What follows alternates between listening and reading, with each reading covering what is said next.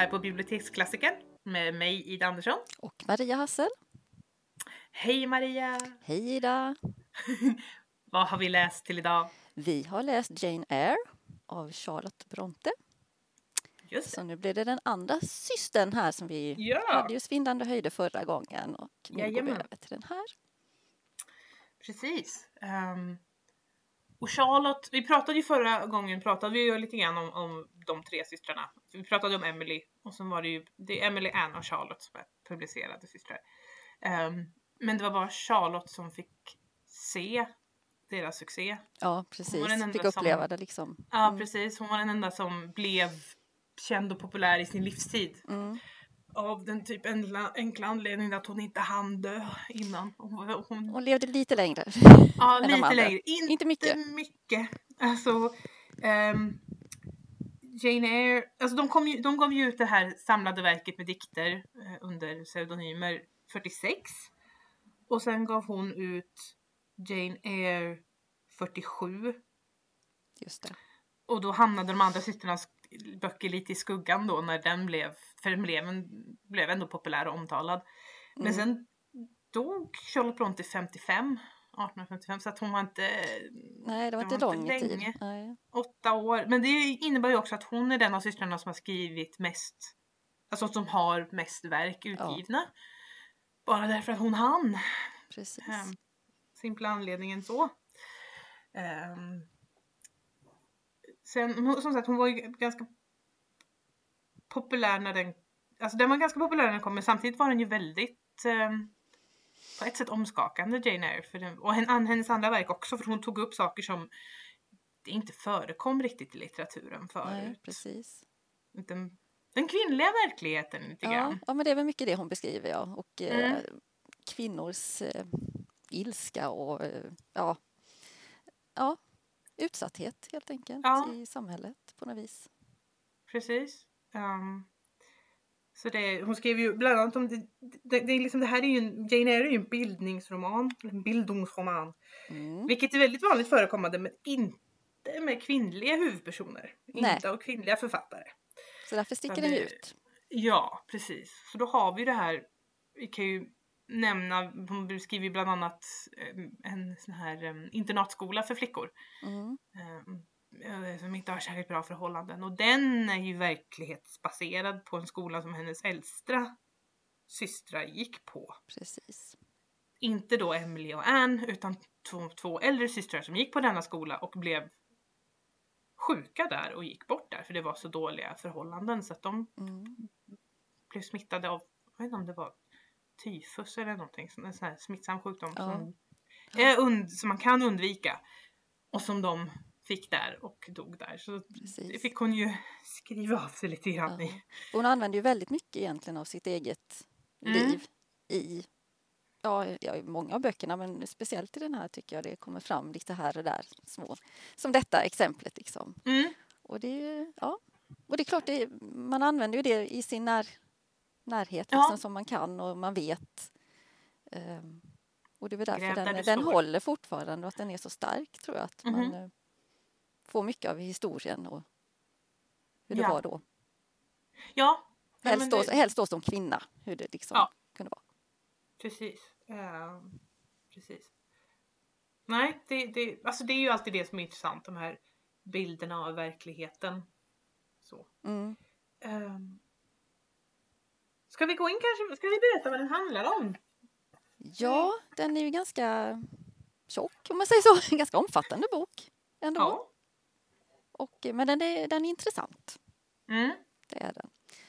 Så vi kan väl, eh, ja, eller du, Ja, alltså jag tänkte säga, en av anledningarna till att jag tror att den är så tjock är att den beskriver ju ganska mycket Janes sinnesstämning och hennes tankar och inre monologer. ja precis. Ja, Det är ju det som tar plats som man säger. Ja. Att det drar ut lite. Vilket jag ibland kan tycka blir lite tjatigt. faktiskt. jag tycker om boken men jag tycker det blir lite för mycket ibland. Men, men jag förstår också att det är ju lite så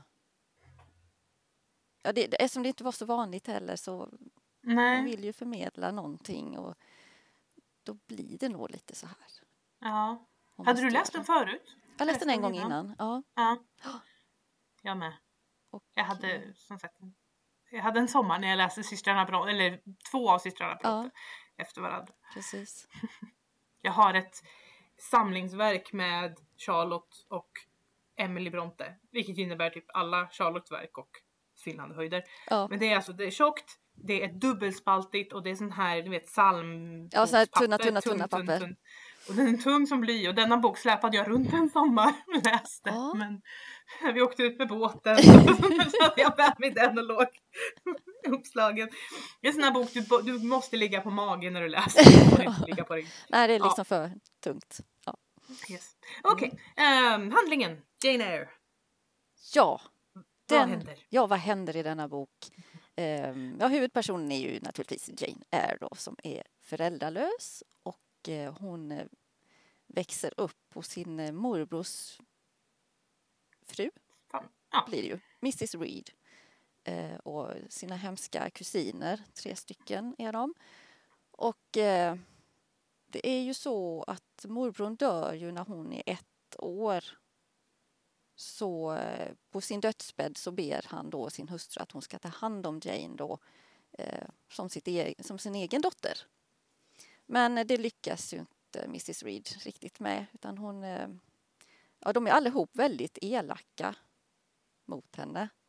Och eh, speciellt John, sonen då, är ju väldigt elak mot henne och liksom, ja, både slår henne och hittar på saker och sådär. Men han blir ju aldrig straffad för han är ju lilla gullungen och så. Och han är nog inte särskilt snäll egentligen mot sin mamma heller, verkar det som. Eh, och i början så är det väl egentligen, ja det är ju en händelse där när hon, eh, John kastar en bok på henne tror jag det är. Mm. Ja, det händer lite i alla fall där hon till slut faktiskt försvarar sig. Eh, Jag vet inte om de, om de börjar slåss eller hur det är, men det blir tumult i alla fall. Och eh, då blir i alla fall Jane instängd i ett rum helt ensam. Och eh, hon, jag vet inte egentligen vad det var för rum, men eh, hon blir ju väldigt eh, omskakad och, och rädd därför hon tycker sig se någon vålnad i, i spegeln och det, det är lite Är det inte ett rum där någon har dött? Jo, jag för mig, ja, Ja. det, om det är där mam- morbrodern har dött Kan vara så ja. har jag för mig att det var. Eller någon i alla fall har. Någon har dött eller legat lik där liksom. Att de har Ja. legat på, på Lideparad. Så det liksom är ju redan äckligt att bli instängd och hon kan ju inte ta sig ut och hon tycker då hon ser saker och lite så här så att hon hon skriker och de kommer ju, om det är Bessie Mm. först som kommer, vad är hon, ja, hemhjälp eller hushållerska eh, och se till henne då och tror att hon har skadat sig nästan och så här men och så kommer väl Mrs Reed också och så här tycker förmanar liksom att nej nej nej hon ska fortsätta vara instängd här hon ska liksom få sitt straff och liksom hon släpper inte ut Jane i alla fall fast hon är helt vettskrämd så blir hon inlåst igen och eh, hon tuppar ju av och Mm. svimmar av till slut helt enkelt av skräck, tror jag. eller känslosamhet eller vad man ska säga. Och eh, hur är det, blev hon, hon blev nästan sjuk? Alltså, hon blir ju väldigt medtagen i alla fall. Mm. För att de hämtar Traumatiserad i alla fall. Ja, det är väl, ja, väldigt så. Så att de hämtar ju apotekaren. Det är ju inte läkaren man hämtar då till Jane utan det är apotekaren får komma och liksom se till henne och så här. Och eh, han verkar väl ändå en klok man och så där. Han, eh, jag tror det är han som lyfter frågan då liksom att eh, om hon skulle vara, kunna gå i skolan eller vad hon skulle tycka om det eller någonting. Eh, så men Mrs Reed är ju Mrs Reed så hon eh, ja, tar dit en, en präst som heter, vad heter han, Mr Brock, Brocklehurst. heter han ja. Eh, som då har en eh, skola långt bort. Eh, ja. Och eh, han träffar väl Jane också. Ja, Mm. det, är- det är detaljer vi behöver inte kanske gå in på så mycket men i alla fall det, det slutar ju med då att eh, Jane blir ivägskickad till hans skola då. Lawfo- Lowood? Nej, vad heter den? Lowood? Mm. Eh, jo, Jo, Lowood. Lowood. Eh, som är då en sån här, vad ska man säga, det är en fattig skola. för föräldralösa flickor. Mm. Och där är det ju väldigt, som du sa, nämnde innan, att eh, det är inte så bra ställt utan de får liksom dåligt med mat och det är de har nästan, de har inte vinterkläder och sådär men ska ändå vara ute en timme om dagen och de fryser och det, ja, det är eländigt. Och eh, ja, vad ska vi nämna här mer? Att hon... Det är ju vid ett tillfälle som hon... Eh, Ja, som Brocklehurst kommer dit med sin familj. Mm. Det är väl ganska tidigt som hon är där i alla fall. Och... Eh, jag vet, dels så, ja, det var så sån här grej som jag hakade upp mig på att han, han eh, alla ska ju ha liksom slätt hår och liksom de får inte vara ja, alla har likadana mm. kläder. De syr nog sina kläder själva i princip. Det är väldigt enkelt allting i alla fall. Och eh, så är det ju en liten flicka där som har lockigt hår. han, han blir helt skogstokig där liksom att eh, nej men de ska ju ha stramt bakåtkammat hår så där kan man inte se ut. Och den här, eh, det är ju en bra lärarinna, Mrs, Miss Temple. Och hon försöker förklara, ja men hon har lockigt hår av naturen. Det är liksom det är hennes hår. Och han bara, nej vi rättar oss inte efter naturen. Utan hon får klippa av håret helt enkelt. Det är ju liksom ett tecken på hans eh, ja, karaktär då, hur han är. Vi kan, vi kan ju inte nämna att hans döttrar har ju lockigt hår. Ja precis och väldigt vä finklädda och ja. flärdfulla och så. Eh, så det är liksom ja, två olika världar kan man säga. Och eh, samtidigt vid det här tillfället så eh, pekar han ju ut Jane. Han lyfter väl upp henne på en stol till och med så att alla ska liksom se henne och säger det liksom att henne ska ni inte befatta er med utan hon ska vara utanför gemenskapen för hon är, vad är hon, lögnaktig och ja, allt vad han säger. Som Mrs Reed har sagt till Som, honom? Som ja, då han har mm. hört då från hennes, ja vad säger man, välgörare. Ja, eller han använder det, ja precis som att, mm. ja. Eh, fast det är ju moster då. Eh, och eh, ja, hon blir ju vän med Helen Burns, en, mm. en flicka där också. Och eh, hon... Eh, ja, det, går ju, det blir ju en epidemi. Många blir sjuka på skolan och det är nog tyfus. Ja, där i alla fall. Det. Och det ja. är nog den kopplingen med verkliga livet. Så väldigt många eh, dör ju faktiskt. Och Hel Helen är ju en av dem. Fast hon dör inte i tyfus. Nej, hon har, hon har ju varit sjuk. Ja, hon har underliggande tiden. någonting. Jag vet inte om, hon har, om det ska vara att hon har är lungsjuk på något vänster. Ja, liksom, det, det, det, låter som det är någonting med. Mm. Så hon tyvärr går ju bort då.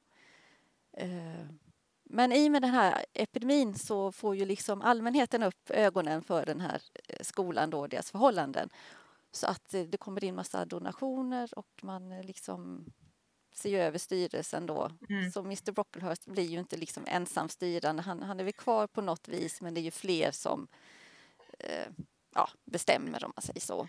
Ja, de måste väl ha kvar honom för det var liksom hans mamma som skapade skolan som, med, med verkligt goda avsikter och sen har han på något vis förvanskat alltihop. Precis. Så därför måste de... Den, ja, måste de det är väl någon sån hållhake liksom. Mm. Och de flyttar ju hela...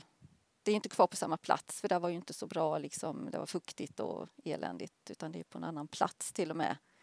Eh, den andra skolan byggs upp då.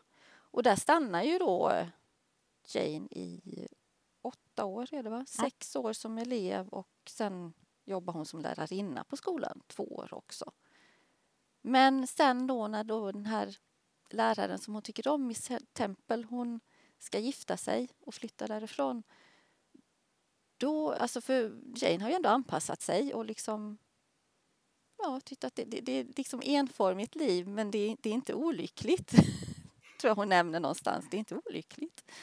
Eh, men eh, då börjar hon känna någonting, liksom att ja, hon vill ha frihet, hon vill liksom göra något annat hon nu börjar fundera då, vad ska jag hitta på? Vad ska jag, hur ska jag lyckas med det? Så hon eh, sätter in en annons om att eh, ja, vara guvernant någonstans då i tidningen. Och hon får ju ett svar efter några veckor eller vad det kan vara från någon eh, Mrs Fairfax. Eh, som då eh, har en, eller hon har inte, men att eh, det står liksom i brevet att hon ska vara guvernant till en eh, flicka som är under tio år och sånt där. Det är lite kryptiskt, hon får inte veta exakt men att det, det är i alla fall en, en flicka hon ska vara eh, guvernant till och eh, den, det hoppar hon ju på då. Eh, är det något mer vi ska nämna där? Jo, men Bessie kommer ju hälsa på den gamla, mm. eller gamla och gamla är hon inte men eh, hushållerskan hos Mrs Reed. Eh, jag vet inte varför hon är där i närheten men i alla fall så hälsar hon på Jane på skolan då. Eh, och de, hon vill väl se hur det har gått för henne helt enkelt och liksom prata med henne. Och då nämner hon också det här att det har kommit ett brev för många år sedan var det ju.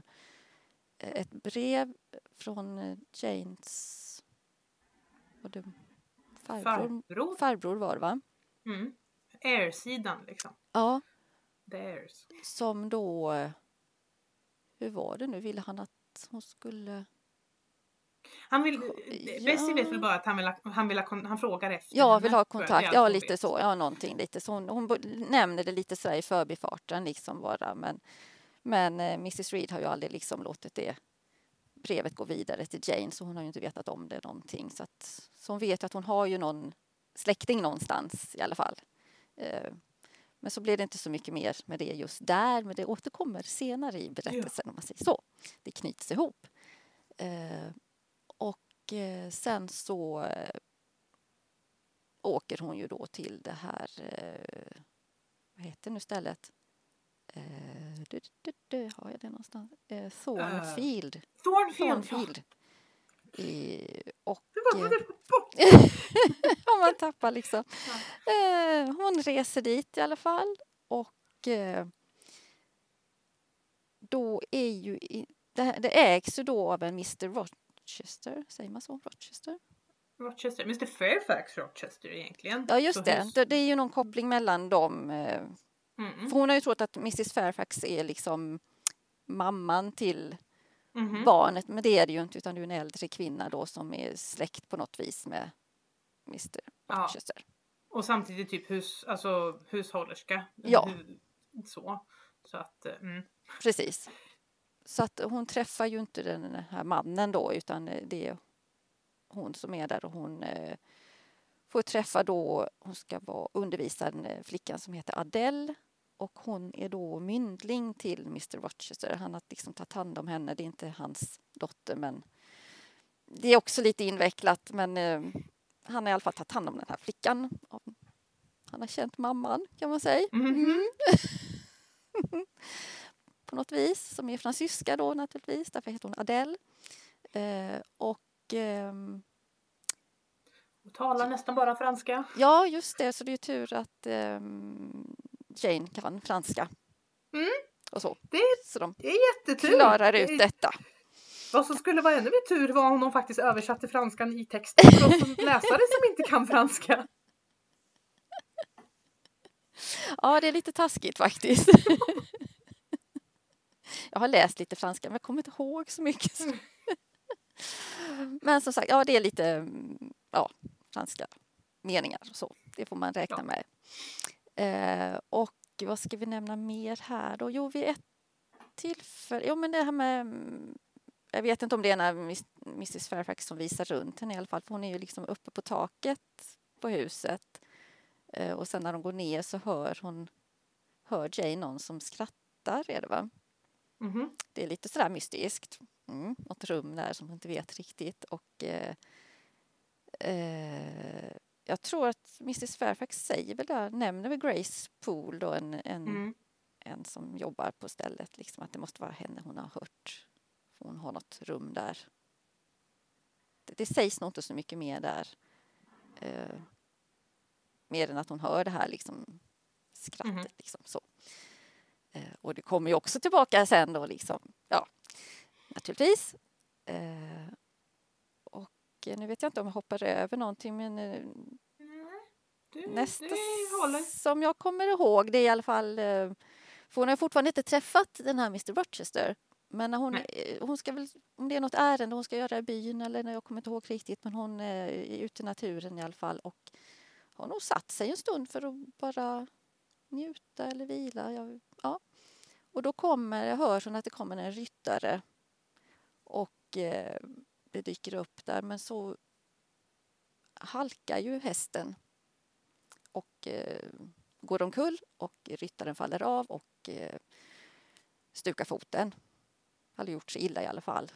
Och eh, Jane undrar om hon kan hjälpa till och lite så här. Och han vill ju inte ha någon hjälp först men inser ju sen att ja, det behöver jag nog i alla fall. Så att eh, på något vis så hjälper hon väl honom så att han kommer upp på hästen igen.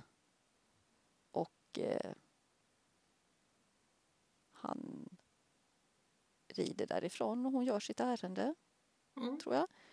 Och sen kommer hon hem och då visar det sig ju att eh, ryttaren är Mr Rochester. Så då har han ju kommit hem till byggnaden igen. Och eh, då blir det lite mer livat i huset för det har ju varit lite tyst innan så. Det är inte så mycket folk och händer inte så mycket. Men eh, han då har mycket affärsbekanta, det rör sig folk fram och tillbaka. Vilket Jane tycker är ganska trevligt. Och de har väl egentligen från början har de ju lite samtal. Jane ja. och eh, Rochester lite så här. Hon är ju ganska, vad ska man säga? Ja men lite hon rak ingen, sådär. Ja. hon, hon, hon tar ingen skit i stort sett. Nej, nej, så kan man väl säga. Ja. Och eh, han tycks, jag tycker det verkar som de har lite roligt när de har sina samtal. Så. Eh, och eh, ja, vad hände sen? Han, han är ju borta ett tag. Va? Grann... Ja, typ granngården, ja, sådär, att de har lite eh, fester och grejer. Ett, mm. Det är ju ett, vad ska man säga, ett sällskap i alla fall. Ett, ett större sällskap. Eh, och eh, sen följer de med honom hem. Mm. Så att de är på Thornfield.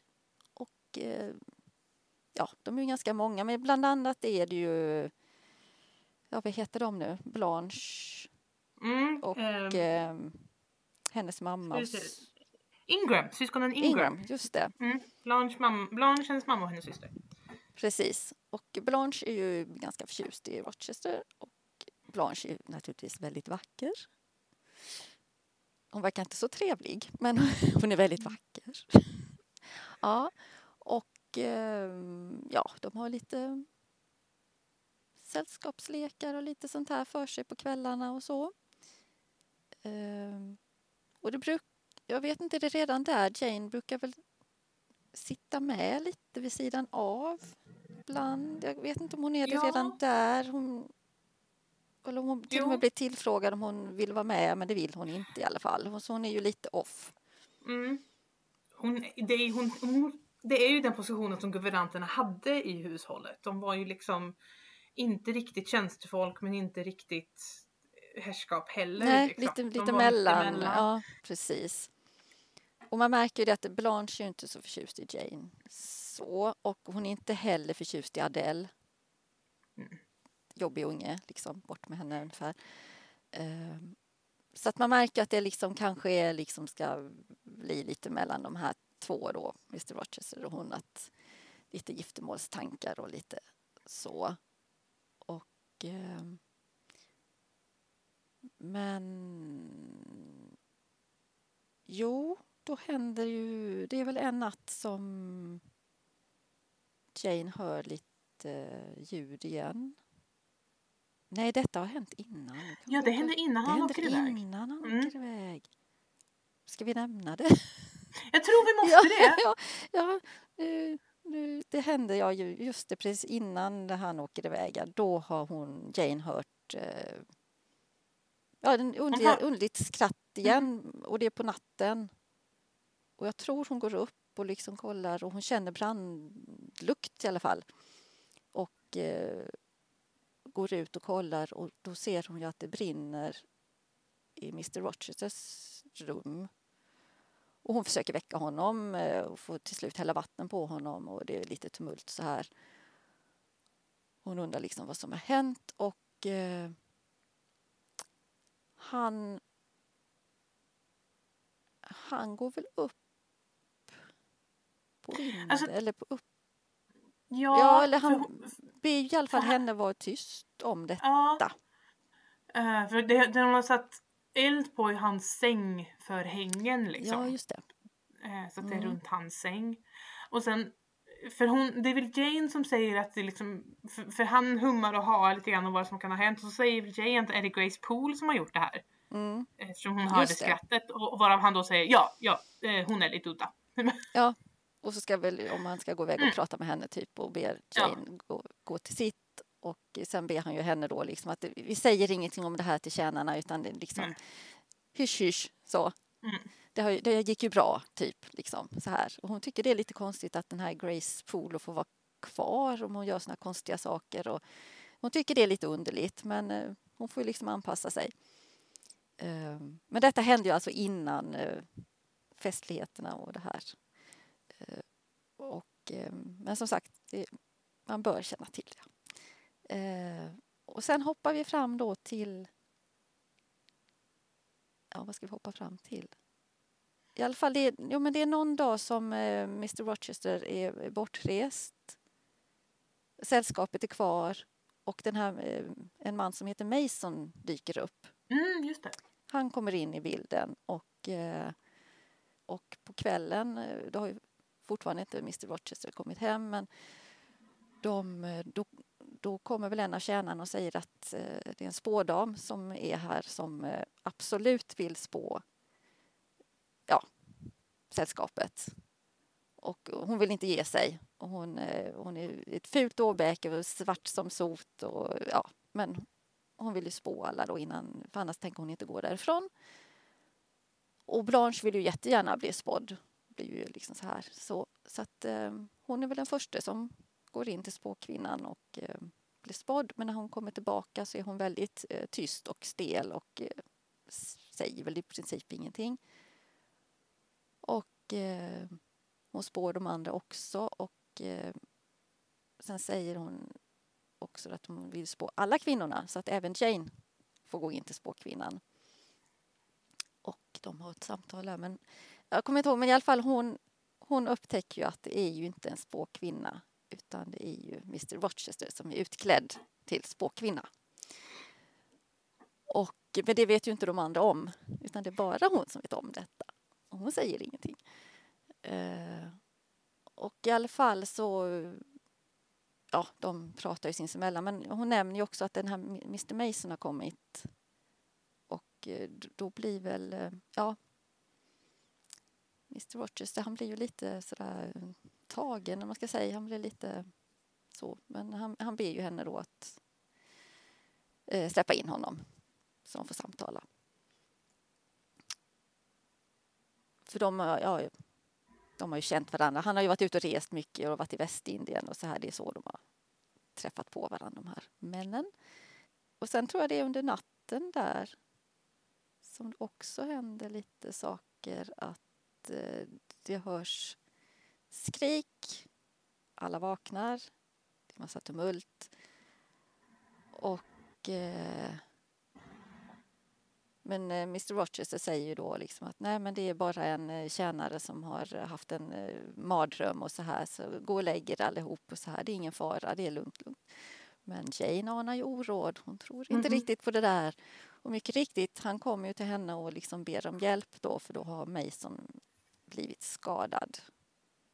Och eh, han talar väl inte om hur?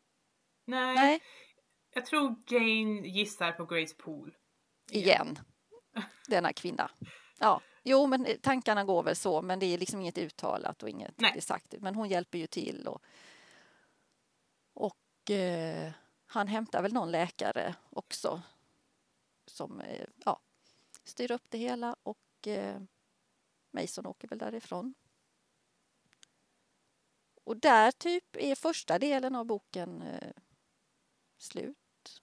Är det något mer där som hör till den delen. För den är ju uppdelad i två delar liksom. Ja, Och del... Nej. nej.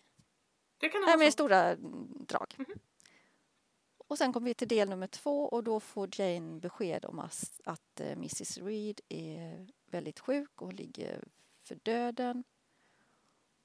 Och eh, kusinen, sonen då, John, han har ju.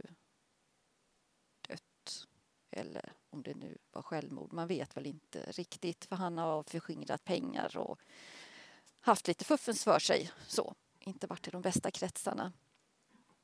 Och eh, då Jane ber om ledigt och åker eh, dit till Mrs Reed.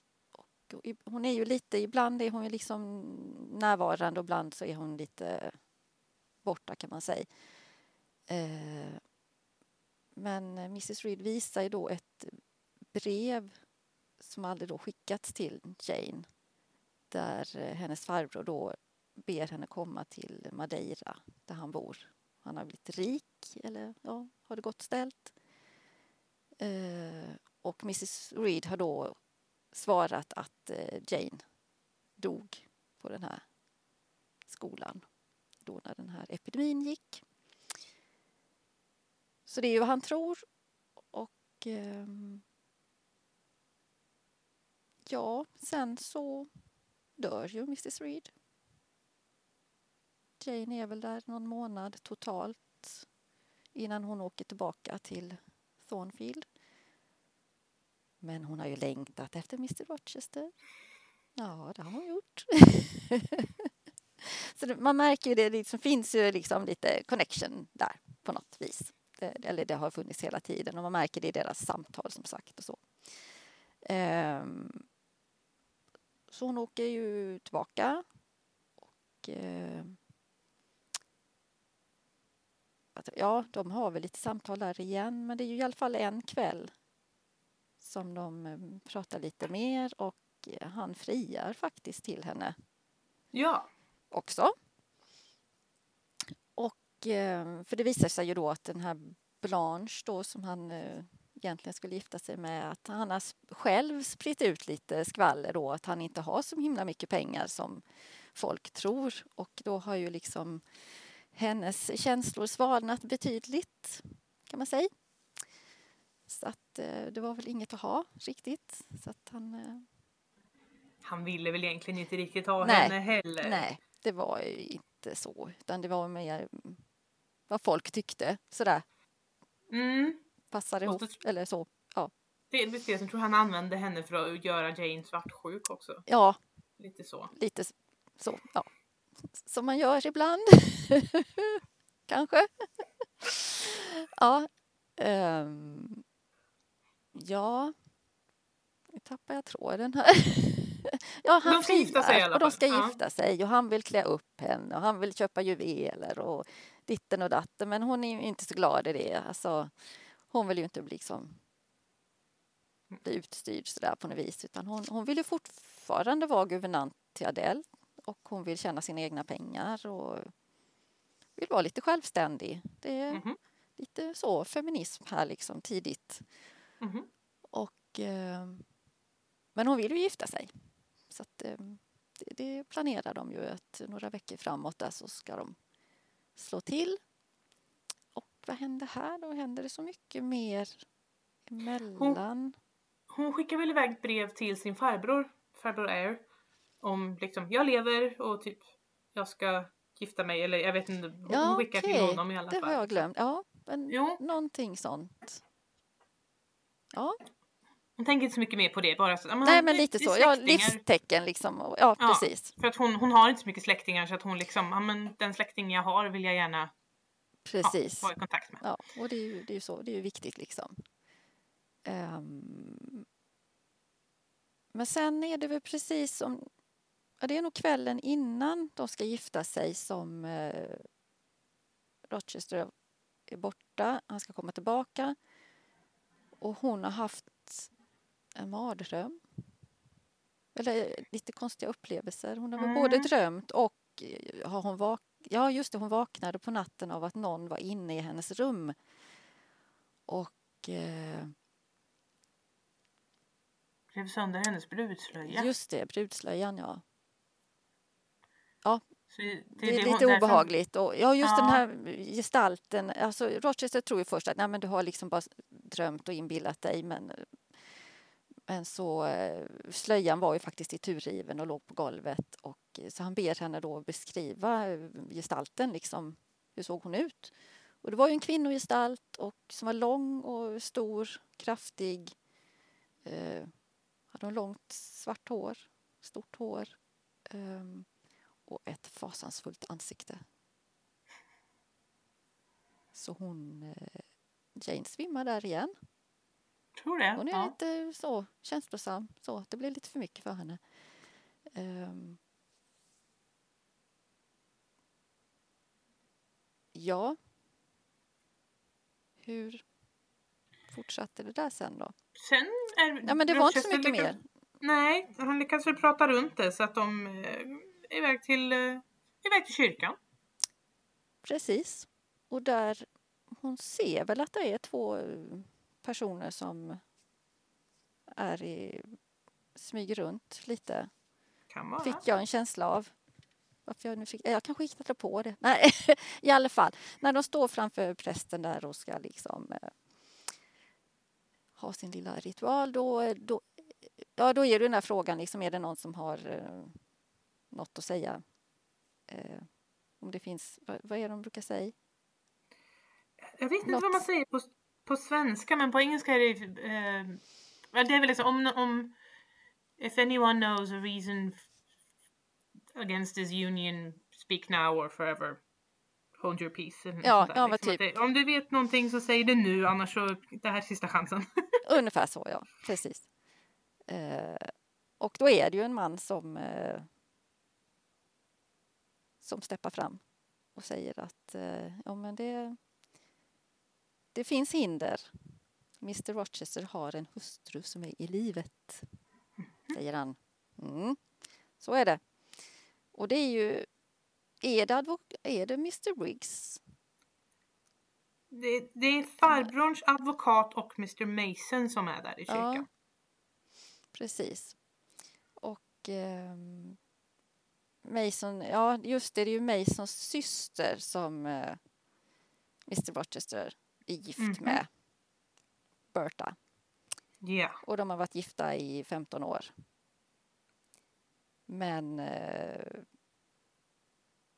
ja, sen eh, försöker Rochester ja, hon pratar ju med Jane och berättar om sitt liv och lite så här då att, att han blir ju liksom lurad in i det här äktenskapet och Berta är ju liksom, hon är galen och eh, ja, massa sånt. Så att eh,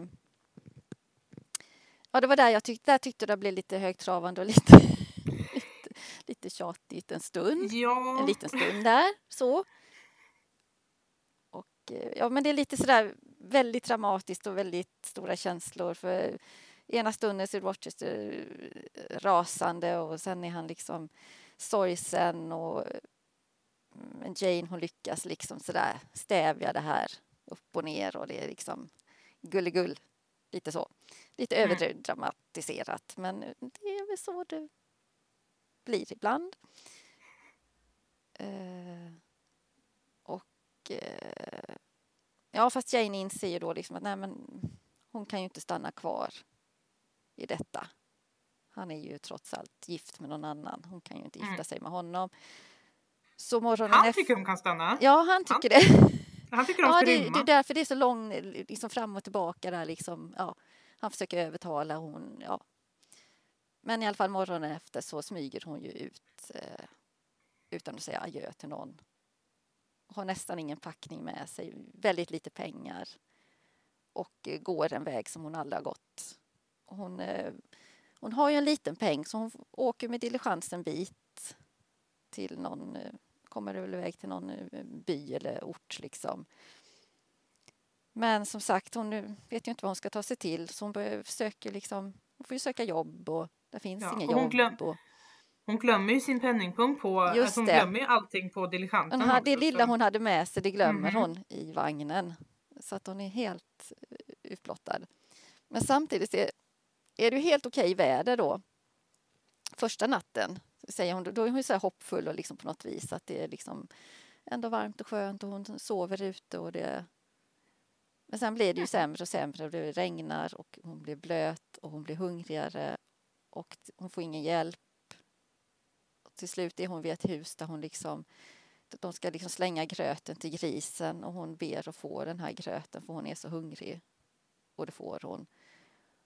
Och, eh, men samtidigt så tänker hon ju det här liksom att ja, vart går man om man ska be om hjälp? Jo, prästen brukar ju ofta kunna kanske vägleda en eller hjälpa en på något vis. Hon mm -hmm. hittar prästgården men då är ju inte prästen hemma.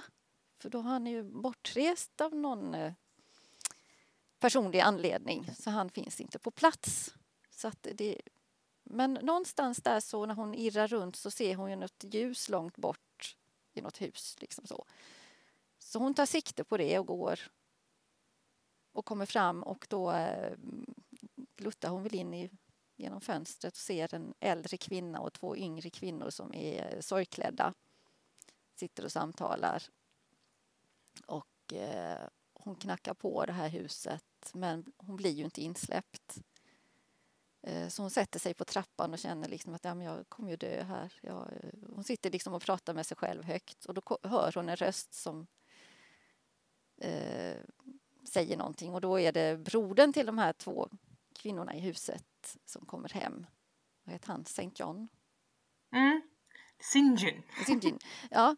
Eh, han, eh, och han är också präst. och han, men han släpper hon får följa med in och eh, då säger hon ju att hon heter Jane Elliot. Och eh, hon berättar ju inte, hon vill ju inte avslöja någonting var hon kommer ifrån eller vad hon har gjort eller ja. Hon är väldigt hemlighetsfull och hon är ju också väldigt medtagen så hon, i princip så sover hon väl i tre dygn nästan och blir omhänder, ja, ompysslad och så. Ehm. men sen när hon vaknar då så, alltså hon berättar ju inte mycket. Men hon ber ju om hjälp då, kanske om de kan hjälpa henne att få ett arbete någonstans. Och eh, han erbjuder henne då jobbet på byskolan. Som är för, eh, ja men det är väl för fattiga flickor. Nå någonting sånt. Så det gör hon och eh, ja, när hon beskriver den här mannen också, då är det ju liksom att han är så vacker och ja. Inte som Mr Rochester, han, han, har ju inte, han är ju inte vacker när, hon, när han beskrivs det, utan det är liksom två motpoler kan man säga. Eh, och ja, vad händer här nu då? Har vi kommit långt fram? Han... Alltså, det långa och korta är väl att hon lever där ett tag och undervisar på skolan och umgås med, med syst eller systrarna måste ja. väl åka iväg och jobba. Ja just det, men de är ju också guvernanter mm. i fina familjer men de, de ja. bondar ju ändå ganska så bra ja. innan de åker iväg. Hon umgås med Sinjun. Um, han, hon försöker få honom att respektera och gilla henne men han verkar inte göra alltså han, han är väldigt kall. Ja han verkar vara väldigt kall. Han är lite mm. underlig så också. Ja för det är ju också det här att det är ju den här Rosemund eh, som Ja just det. Som, alltså det, han, fina damen i byn. Ja fina damen där som eh, Ja men det är väl någon koppling till, till skolan också om det, de har eh, de donerat. Eller, ja, det är någonting där i alla fall. Och hon verkar ju väldigt förtjust i honom, Sinjin, och eh, han verkar ju också egentligen ha känslor för honom, eh, för henne, för att han rodnar och sådär. Men han håller tillbaka på något vis. Men Jane tycks se att det, ja, det är ju någonting mellan dem, men eh, det är liksom, han, nej, han låter inte det liksom bli någonting. Utan han, han, han är inställd på att han ska bli missionär ja, i, i Indien. Precis, han ska åka iväg och liksom tycker väl inte att hon passar då som missionärsfru. Men däremot Jane skulle ju passa väldigt bra. Mm. Så att uh, han frågar ju henne då uh, om inte hon liksom de kan gifta sig och hon ska följa med honom och det väldigt praktiskt med. Det är ju inte Mm. kärlek utan det är ju praktiskt att hon skulle passa som missionärshustru ungefär. Mm. Den känslan är det ju. Eh, han tjatar ju väldigt mycket om det här. Ja, För hon och- vill ju inte. Nej, hon kan ju tänka sig att bli missionär och följa Ja. med honom men hon vill inte gifta sig med honom. Nej, som följeslagare så följer med som kompanjon. Det, det säger hon att det, det kan jag gå med på. Men inte att gifta mig med dig. Och han tjatar och tjatar i olika eh, Mm. former hit och dit. Eh, och han, är- där blir han ju väldigt elak och liksom, eh, vad är det han säger att hon förnekar tron och hon är värre de otrogna i med detta att hon Mm. säger nej till detta. Eh, vilket låter jättekonstigt bara för att han tycker, men ja, han är ju man. Mhm. Mm. Och Guds sändebud på jorden. Precis. Så det är väl det. Så att, eh, och han, så han är ju väldigt besviken på henne då. Så han nästan... Jag låtsas som att han inte är vän med henne. Eller Så det liksom, Ja. ja, stöter bort henne liksom och jag sårar henne på så vis. Ja. Vi kan ju säga, det har ju kommit fram. De här syskonen, de tre syskonen väntade ju halvt om halvt på ett arv som de Just skulle det, det missade jag. Mm. Eh, för att en släkting till deras pappa lurade deras pappa i stort sett in i en investering som gjorde att de alla blev bankrutta. Men nu hade den där släktingen gått och blivit rik och då hoppades de väl att den släktingen skulle ge lite pengar till dem. Eftersom det var inte hans fel att de levde som de levde, var tvungna att leva som de levde. Och sen visade det sig att den här släktingen är ju farbror Air. Precis. Så de är kusiner. De är Men kusiner. farbror Air bestämmer att nej, han vill ge pengarna till någon annan. Någon helt annan, en annan släkting han har. Och den släktingen är Jane. Så hon får väldigt mycket pengar. Ja, och det vill hon först. Hon erkänner ju först inte det. Och det förstår jag varför, för vem skulle tro det. Men hon har ju råkat skriva sitt namn på någonting. Alltså Mm. Jane Eyre. Mm. Och sen Jane får se på det och börjar liksom undersöka det hela och få reda på Precis. att det är hon. Ja, så han Men klurar Jane- ut det, ja. ja. Ja.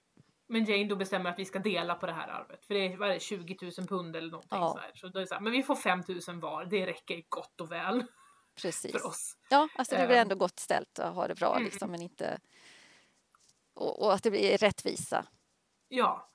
Men det är lagom för att systrarna inte ska behöva jobba som guvernanter längre. Och egentligen ska inte Sinjin behöva åka till Indien. Men han Nej, han har ju bestämt sig. Mm. Ja. ehm, så att det, och då flyttar ju systrarna hem också så då umgås de ju alla, alla fyra där.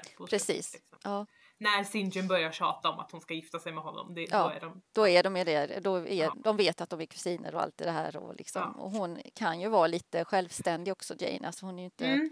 hon har ju pengarna liksom. Ehm, Men han är väldigt, väldigt tjatig med detta. Att hon ska gå med på att bli hans fru då. Ehm, Men hon, hon har ju inte glömt Mr Rochester utan hon, ehm, hon har ju också skickat brev eh, till Mrs Fairfax eller skickat eh, så för att få en återkoppling vad som har hänt. För i och med det här när de började liksom leta släkting, alltså då kom ju det här brevet. Det kom ett brev. Nej, men det var ju, det var ju när de letade efter eh, vid arvet. Där var Mm. någonting eh, från någon advokat så. Ehm, Att hon hade försvunnit. Ja, Jane precis, precis. Ja, exakt. Och hon, men hon får inget svar på sina brev så till slut så bestämmer hon sig ju då för att eh, åka till Thornfield. Ja, hon, hon har ju ett, det är ju en episod där när hon är på väg att typ säga ja till Senjun till slut. Han har nästan nött ner henne. Och då tycker hon att hon, hon hör, Just ja, men det får, måste man ju ta med. Ja, herregud, det är viktigt. hon tycker hon hör någon som ropar och så inser hon att det, det är Mr Rochester som ropar på henne. Och var är du? ropar hon och springer ut och han är inte där men hon hör hans röst. Ja, Jane, Jane. Och då bestämmer hon att hon måste genast åka till Thornfield och ta Ja. reda på vad, som har hänt. hon, som hon sagt, jag har fått en vägledning. Ja, ja men där, så är det ju. så då, skratta inte nu Ida, jag ser dig. ja men det var väl fint att få en vägledning tyckte jag. Ja, Ja. Nej, men det, det är den typen av bok det här Ja, är. ja men det är liksom- ju det lite, nej, men lite högtravande ibland fast jag tycker om den ändå. För det Ja. är liksom, ja, Ja, känslan ja, där. du får bara Mm. acceptera att det är så här. Det är liksom så Ja. så hon, hon åker ju hem, eller tillbaka då till Thornfield och eh, ja, hon åker väl ända dit. Alltså det är ju en lång resa naturligtvis och så. Mm. Men när hon väl kommer fram där och det är mycket om och men när hon går framåt då är det ju bara en svart ruin. Och hon undrar ju herregud, har någon dött Mm. här? Vad är det som har hänt? Så hon går vi tillbaka till byn och börjar luska, Mm. försöka få svar. Världs, värdshuset där hon bor frågar hon sig fram. Just. Värdshusvärden. Exakt Och han vad kan som ge henne hänt. hela historien. Det är Ja, skvaller där och, och, ja, det är skvaller men eh, ja, att det var ju en stor brand där ja, och eh, att Mr Rochester försökte ja, men typ rädda folk och eh, ja, just att det hade ryktats om den här då att hon hade sin fru på vinden Mm. instängd och allt det här och, och hon Ja, men hon gick väl upp på ta- alltså hon Ja. hoppade ju från ta- alltså hon, eh, I den här branden så blev det ju tumult och allting Ja. så att hon eh, Det är väl, det är väl, alltså, det är väl så att det är hon som har anlagt branden. Ja, precis. Och sen är det ju Rochester räddar allt tjänstefolk så försöker han gå upp på taket och rädda henne. Men hon hoppar. I alla fall. Precis. Um, Och när han då det är väldigt grafiskt beskri- beskrivet när hon hoppar. Det, det är väldigt så. ja, och när han då ska ta sig ut igen så får han väl någon eh, balk över sig. eh, Det brinner ju och eh, så han han mister en hand Mm. och eh, ena ögat mister han och det andra ögat blir inflammerat så han mister synen även på det så han är ju blind också. Eh, är det något mer den här skvallrar om? Får, får ju veta väldigt mycket just eh, Ja, där han vill, ju, och då. han vill ju berätta hela historien det här om guvernanten som han skulle försöka gifta sig med. Hon Ja. bara, det kan vi ta sen. Ja precis, ja, för det vet hon ju redan men det, det är klart Ja. han vet ju inte att hon är guvernanten. Utan så att det, ja, det är lite mycket han vill eh, berätta där egentligen som hon, eh, ja det är lite överkurs. Ehm, Men det kan jag förstå, det måste ju vara det Ja, stora skvallret på byn. stora händelsen liksom. Århundradenas historia liksom. Eh, ja, men i alla fall så... Han berättar ju också var han befinner sig. Det är något annat ställe han bor på. Jag vet inte om det var något hus han redan hade sen innan eller om det är Mm. något... eh, ja. Eh, så att Jane tar sig dit i alla fall. Och... och... ja, Mr Dorothy, han blir ju väldigt glad när hon kommer. Och det, Ja. De har sina samtal igen och lite så, men han har väl lite sådär svårt att han om hon verkligen ska kunna Ja, han behöver ju mycket Ja. hjälp och allt det här liksom att eh, Ja, han vill inte, hon, nu är han en krympling som han Ja. säger och ehm, tycker att hon är ju ung. Hon borde klara sig bättre. Det är Hon har alltid varit du, ung, du har alltid varit gammal. Det spelar ja, ingen roll. han är ju, han är ju typ tio, ja, dubbelt så gammal. Ja. Så, så att eh, han ja, tycker väl det liksom. Men, men hon ger sig ju inte utan det är liksom de hittar ju varandra igen och har Mm. djupa samtal och eh, de gifter sig. Och eh, tycker det är lite roligt när hon, Ja. han säger ah, jag, nu är jag krympling och ful. Man, Du var alltid ful. Ja, var ja men alltid det, ful. de är ju väldigt sådär uppriktiga mot varandra. Liksom. Och, och det är ju det som gör det, att det blir liksom rätt roliga dialoger Mm. mellan dem faktiskt. Och eh, vad var det jag skulle säga? Eh, jo, eh, Adele hon har ju varit på liksom iväg på en skola eh, och eh, Jane hälsar ju på henne men märker att eh, Adele trivs inte på den här skolan och så. Så hon eh, plockar ju hem henne till en skola som ligger närmare hemma så de kan hälsa på henne lite oftare. Och där tyckte det var lite roligt med liksom eh, hon sa liksom ja, vad var det för Jo, jag skrev upp den här eh, om Adele då. En, hon får då en sund engelsk uppfostran rättade sedan i hög grad till hennes franska karaktärsfel. Ja. Ja, där satt den. det är också lite så, jaha, okej. Oops. Kan man säga så? Ja.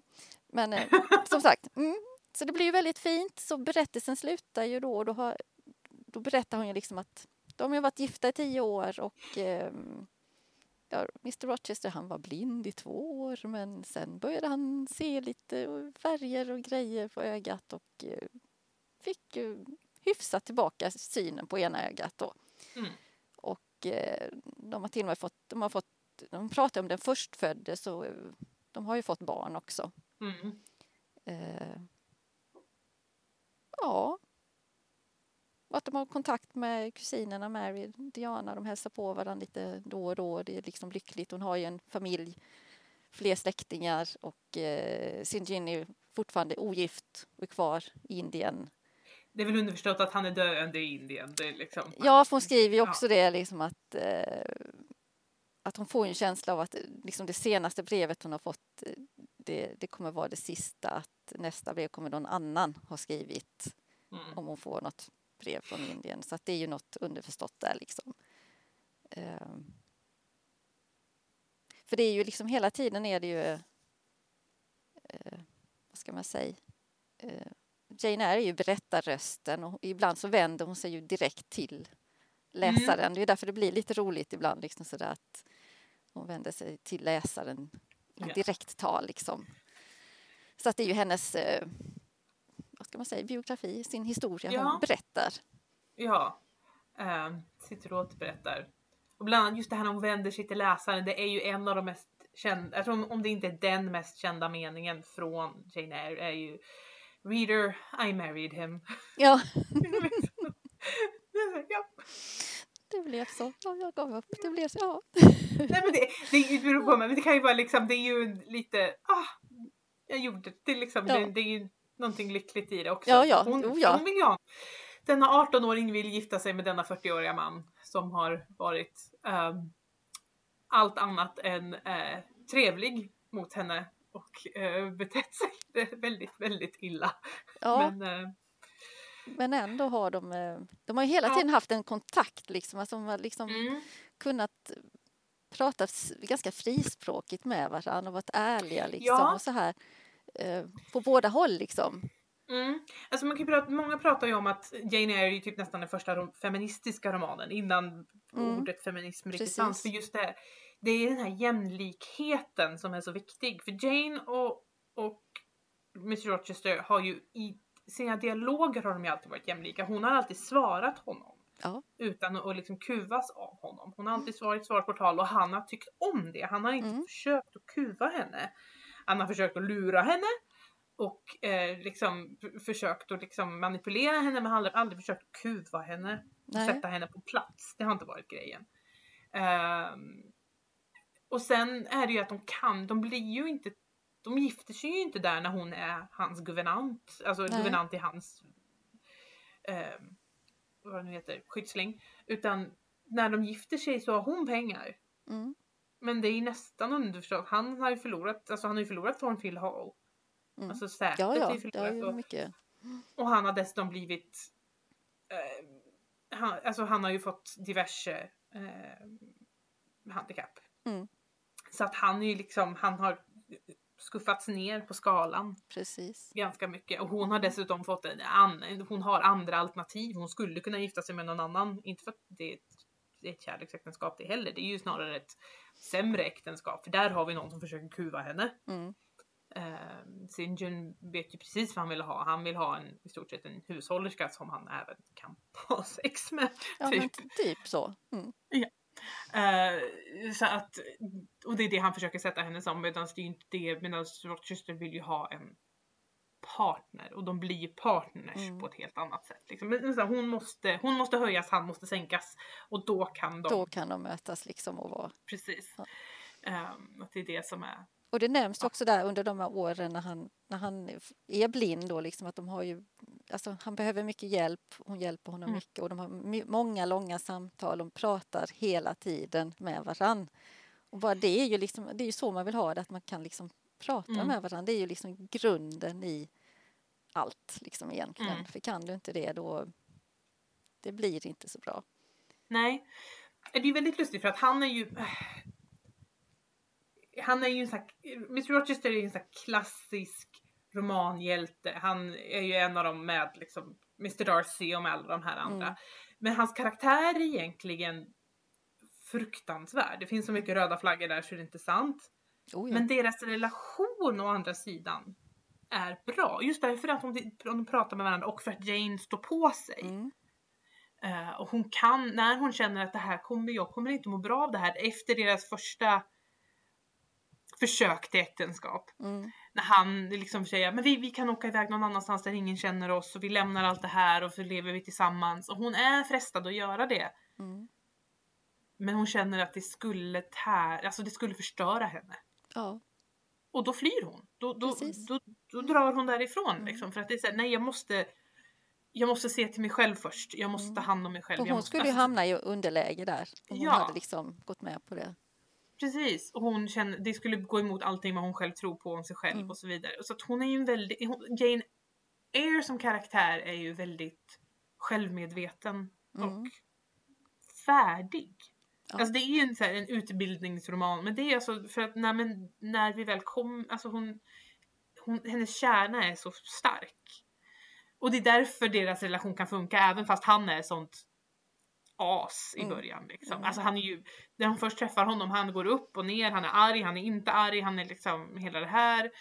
Eh, sur och tvär och, och, och sen det hela situationen med, med Blanche Ingram som han i stort sett tar dit för, för att göra henne svartsjuk och sen han försöker lura in henne i ett bigamistiskt äktenskap där hon inte har en aning om vad det är, där han verkligen bara, han ser sig själv som offer i hela situationen med sin förra fru och därför tycker han att han förtjänar den här unga söta eh, som han, Jane, som han eh, älvlika som han tycker om. Hon säger att hon är ful, alla säger att hon är ful men han vet inte om han tycker hon är ful. Men, men, och på slutet är hon liksom, hennes, hennes andra kusin säger att men du är inte ful. Nej. De är typ de första som riktigt säger det, att nej men nej du är inte. Alla andra har typ sagt det. Ja. Och det är därför när hon är liten så förtjänar hon ingenting mot sina, hennes vackra kusiner förtjänar eh, sympati men inte Jane. De, alltså tjänarna säger det uttryckligen, jag skulle ha mer sympati för henne om hon inte var så ful. Mm. Ja, det är väldigt mycket det där liksom yta, hur Oh man ser ut liksom. Och Mm. att det, återigen, det är, för, det är inte riktigt lika mycket som i Svindlande höjder. Där var det ju jättemycket yta. Är du Mm. vacker, är du god, är du ful, är du ond? Här är det inte riktigt så.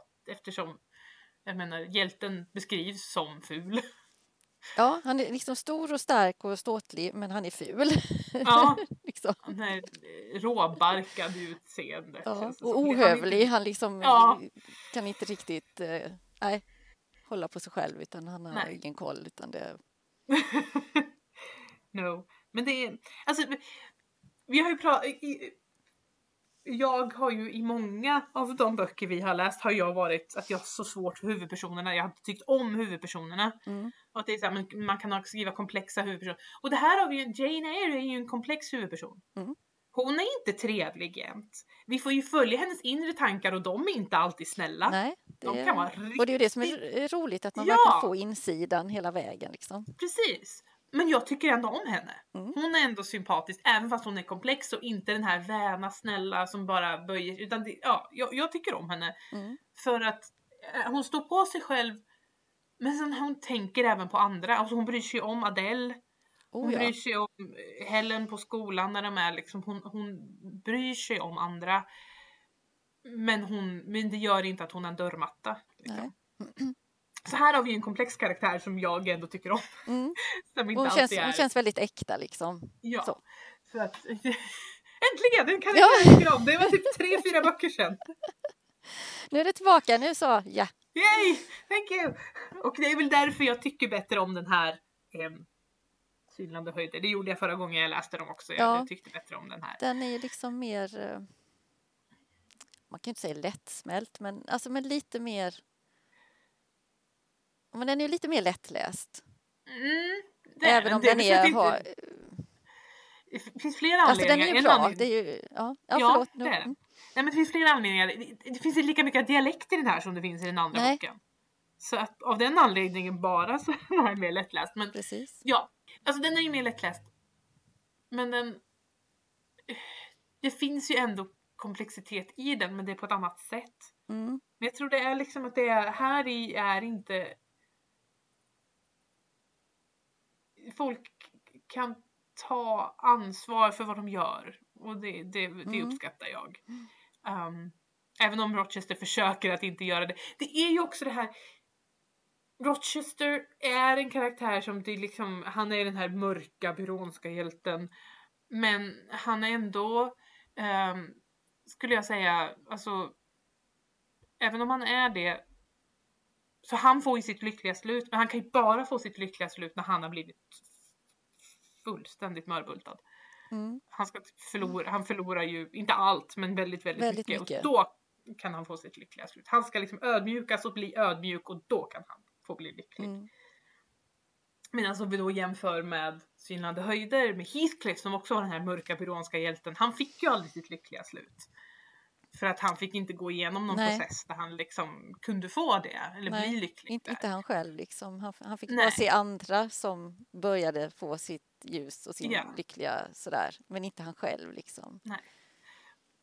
Och det är väl lite så här att då, nej, men man ska inte sympatisera med Heathcliff för han får liksom ingen utveckling så att han kan bli en bra person. Men Rochester kan man sympatisera för för att han har den här utvecklingen och eh, har blivit utsatt för de här sakerna. Ja, Och då kan han liksom Grattis, nu får du, nu får du ditt lyckliga slut. Så att säga. precis.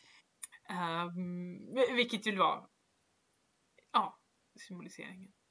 Men det som många har funnit väldigt intressant med den här och som gör en av anledningarna till att den lever vidare, framförallt inom akademin, är ju det som kallas på engelska The Mad Woman in the Attic, Ja. galna kvinnan på vinden.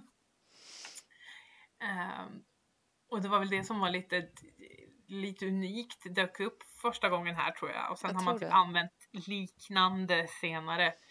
Ehm, just det här Bertha som symbolen för det instängda. Mm. För hon är väl liksom hon ska ju, hon är, man kan läsa henne som en spegling av Jane. Mm. Hon är liksom all, hon är Janes för nedtryckta vrede över sin situation och liksom hennes inre tumult. Vilket jag är lite jag vet inte om alltid om hennes vrede är så nedtryckt. Jag tycker hon står upp för sig själv ganska mycket. Ja, men jag tycker ju det liksom ändå. Och det är då hon mår bäst. Ja, Alltså, när, fast det är också det här, hon, hon, säger, hon får ju säga till, innan hon åker iväg till, sko, till Lowood-skolan så får hon ju säga till sin moster Reed, alltså Miss Reed, Mrs Reed, liksom precis vad hon tycker och tänker. mm. Och det känns bra. Mm. Och sen tror jag hon får, när hon kommer till Lowood får hon också förklara för Miss Temple då vad det är situationen. Och det känns också, och någon som tror henne. Mm. Eh, och sen får hon, det här första gången Rochester friar till henne tycker hon att han gör det på ett felaktigt sätt. Eller han, han liksom mest bara förutsätter att hon ska gifta sig med honom och det tycker hon inte alls att det stämmer. Liksom bara för att jag är liten och fattig och ful betyder det inte att jag inte också har känslor och också har rätt att liksom Mm. få vad jag vill ha. Och det är när hon gör det som hon mår bra men då är det väl liksom antar jag att mm, speglingen att hon skulle må bättre om hon hela tiden inte, för att ibland är hon ju tyst och håller tyst för att hon Ja. måste. För att hon är ju ändå det här mellanläget, hon är Mm. beroende av andra och så vidare. Ehm, och eh, men om hon hela tiden sa vad hon tyckte så skulle hon må bättre och det, den här förtryckta är det som blir då ska speglas i, i Bertha Rochester. Ja, det här riktiga, Ja. ja, riktiga raseriet liksom där det bara Mm. sväller över på alla håll och kanter liksom. Precis.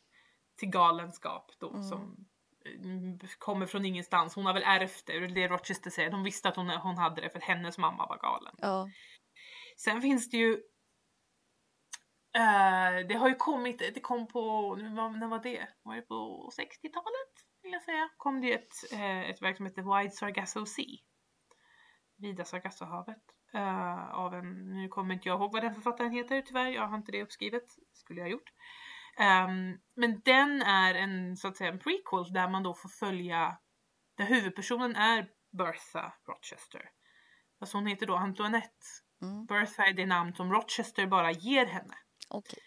Så det är liksom, där får man följa hennes uppväxt och när hon då träffar Rochester och liksom, det är hennes historia. Mm. Och den är ju lite där för att det, de antyder ju i Jane Eyre att hennes familj tyckte om Rochester för han var av bra ras, Mm. säger de. Mm. Och att hon då, i alla fall Berthas mamma var kreol, vilket jag är inte riktigt säker på nu. nu att jag, jag tror att det är att man har liksom bland, för det här, hon är ju från Västindien. Mm. Alltså det är där han har träffat henne i Västindien och då att det är lite oklart då vad det är lite underförstått att Bertha är inte vit. Mm. Utan hon, hennes mamma i alla fall kanske var eh, blandad. Eh, eh, att det då är, att det, liksom det är underförstått att det är därifrån galenskapen kommer. För det var en, en viktoriansk tro att liksom att ja, de som inte var vita de hade lätt att bli galna. Det Ja, fanns det det här vildheten. det. Ja, Ja. det är liksom det här, det. Och eh, White Sox SOC u- utforskar lite grann det här då, vad det beror på. Det är då mycket beror på förtryck, de, eller inte förtryck så, för att de har då varit i White Sox SOC, det här är ju inte uttalat i Jane Eyre, du vet, men där är det liksom att familjen Mason, inte familjen Mason, men den, för Mason är hennes styvfar. Så att hon är egentligen inte Mason från början heller utan hon är en Mm. annan. Och att de då var sockerplantageägare men att ehm, frigjorda slavar hade bränt ner den plantagen och därför hade de liksom hamnat i trubbel och dessutom tror jag hennes, en av hennes syskon dör i den branden och det är då hennes mamma blir galen på grund av liksom, eller ja, Mm. det är det som sätter igång den spiralen. Och att Bertha, eller Antoinette då sen, eh, att hon blir galen är att hon blir behandlad väldigt illa. Först av sin styvfar och sen även av Rochester Mm. som liksom förväntar sig någonting annat av henne och sen, som sagt döper om henne och försöker skapa sin Ja. bild av henne. Att han då kommer utifrån. Eh, för hon, att hon någonstans inte riktigt hör hemma någonstans. För hon är ju inte vit då som Rochester men hon kan heller inte umgås med eh, de svarta före detta slavarna för att det är ju liksom Nej. de som de satt, alltså hon hör inte hemma där heller. Att hon är det här mellanläget då. Ehm, och att det, att ja det kanske påverkar, alltså det är liksom det är inte själva hennes ras som gör att hon är utan det är hennes situation som gör att hon, hon går i en spiral som gör att hon blir mer och mer eh, mentalt instabil. Mm. Och sen dessutom när, så tar Rochester med henne, läm, hon får lämna allting, hon, han bara tar henne till England och låser in henne där i, på vinden. Mm. När hon, Det var ju trevligt. som, ja precis, när hon redan från, alltså din mentala hälsa blir inte bättre av Nej, det. när man redan då mår dåligt liksom och så. Mhm. Mm. Så. ehm, och den biten, var man än annars att, ja men White Sox SOC är ju liksom, det är ju en annan historia, den är påhittad, det är liksom en, ja. Men om vi bara går tillbaka till Jane Eyre, det är ju precis det han gör. Han säger, ja men hon var galen därför det jag såg som en lösning var att ta hem henne hit, gömma undan henne. Mm. Och då är det ju så här, han tar henne bort från den miljön hon är van vid och låser in henne och isolerar henne. Nej, du mår inte bättre av det. Det, det, det hjälper inte din mentala hälsa någonstans. Ehm, så att eh, Nej, det det, det, det är då är det kanske inte så konstigt att hon sen eh, väl, när hon bryter sig ut sätter eld på hela Nej, att stället. man är liksom, det, vill göra ja. illa liksom. ja precis, det behöver inte nödvändigtvis vara en psykos. Det kan bara vara rent nu, Ja. nu orkar inte jag mer. Precis. Och lite hä- Ehm. hämndkänsla Ja, där precis. istället. Så att den, eh, ehm, ja. Så Jane Eyre har ju diskuterats, på, den, den finns ju många facetter i. Du kan diskutera den feministiska biten. Det har man gjort också. Det finns ett, ett verk, kom det på 70-talet, som heter- just Mad Woman in the Attic. Som lyfter feminismen i flera olika Mm. eh, klassiker då. Men har tagit då namnet, titeln Precis. kommer från Jane Eyre. Eh, Så då har man det feministiska perspektivet men du har även perspektivet med kolonialism och ras. Mm. På grund av eh, den biten så att säga. Där måste du kanske läsa mer mellan, mellan raderna, gräva under än det feministiska är mer där på pappret. Mm. Det är inte mellan raderna, det är Nej, det raderna. finns, finns där liksom. Så, men eh, det finns olika analyser att göra av Jane Eyre så att säga. Mm. Så jag tror det är en, annan, det är en anledning att den har eh, levt kvar så, så länge också. Mm. Plus att den är lättläst. Du kan sätta den i händerna på en högstadieelev och Ja. den kan läsa den och få ut någonting av Man det. kan läsa det bara som en, en, en, eh, en roman liksom så Ja. utan eh, krusiduller egentligen. Utan, Ja. eh, Och det, det Precis. funkar. Mm. Du, du får ut någonting av det i alla fall. Och det, språket är ja, språket är hyfsat lätt också. Jo men det är det ju ändå. så. Det är ju som det sagt lite tjatiga partier kan jag ju tycka då. Men Mm. de kan man ju faktiskt skumma lite då för det är ju inte Mm. liksom sådär du behöver ha det för att liksom kunna följa historien utan det, det är liksom bara lite jaha, tjat, tjat, tjat, tjat, okej. det är lite lullull. Ja, och det, det är ju så i många äldre böcker faktiskt att man kanske har med mer. Men här är det ju, det är ju en poäng då, mycket inre. Eh, och sen får hon ju fram det här då liksom när, när det liksom tjatas. För det, det, det är ju det det handlar om. Och det är klart, då måste man ju upprepa det lite för att det liksom, då får det ju mer tyngd. Mm. Um, jag tänker då på han uh, Senjin, att han tjatar om giftermålet. Att det, det går ju flera vänder där på olika ställen liksom. Men uh, det blir väldigt tydligt. Mm. Mm. Nej, det... Den är, ja. Och den här är ju... Den här har heller inte lika mycket... Den har inte så många personer i sig så det är svårt att hålla reda på vilka alla är. Nej, och inte Och lika personen- namn. Nej, precis så jag tänkte. För Det är ju vedervärdigt just det här liksom. När man har samma eller väldigt lika namn. Alltså det, Ja. det blir svårt. Ja, Det gör det. blir det. Och det, gör, det, det, det, blir, det blir en tröskel. Om du inte är van att läsa klassiker så det är, så här, det, det, det är ett vanligt, många säger jag kan inte hålla reda på det är så många namn. Och det är så här, Mm. ja, jo, det, det kan man inte säga någonting emot för det är det. Men den här har inte det. Nej, Och de namnen som finns är alla olika. Det, det är liksom, jag tror inte det Finns det någon som jag, jag tror inte det fanns någon där jag var förvirrad att vem är det här nu utan nej nej. nej utan det är ganska att- tydligt sådär. mm, de är olika, de har olika begynnelsebokstäver, de låter olika. Det är liksom Ja. inte... Ja, vilket är... Gör att den blir lättare att läsa. Det gör det ju. För, Det för annars det är ju egentligen, alltså Svindlande höjder det är ju mycket tunnare rent, Mhm. alltså sidmässigt så är den ju tunnare. Och den här är ju ganska, ja som en liten tegelsten, alltså den är Ja. ganska eh, omfattande men ändå så upplevs den som, som vi säger, mycket mer lättläst. För det har ett annat upplägg liksom i berättelsen så Mhm. än vad Svindlande höjder har. Nej, Sen tycker ja, jag ju väldigt mycket om den ändå. Ja. Ja, jag, jag, är nog, jag föredrar Jane Eyre framför Svindlande höjder. Ju, de, en del säger ju att en del föredrar ju, alltså Svindlande höjder har ju kanske rent eh, kritikermässigt har man på, på senare tid lyfter man den mer för den är mer komplex.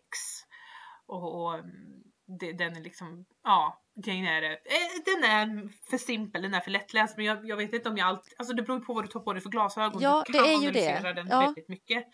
Men på första lagret så är den, väl, är den lättare. Man kan läsa den så liksom om man Ja, den är mindre, för, Mm. precis. När du bara läser den så kan du läsa den som mindre komplex än svindlande höjder. Det går inte med svindlande höjder. Det är alltid, det, den, är, den är komplex, den är snurrig, den är eh, ja, mörk och liksom ja, det, det, det är mycket tankar som du måste ha när du läser Mm. den. Den här kan du Mm. liksom bara Jane Eyre kan du bara ta in.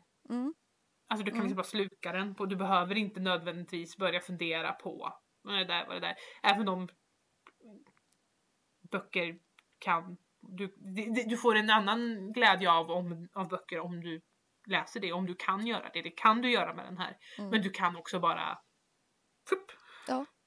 Bara ta in den och lämna den. Ja. Läsa den nästan som en lite längre romance liksom. Mm, lite så. Och det är ju en av grund...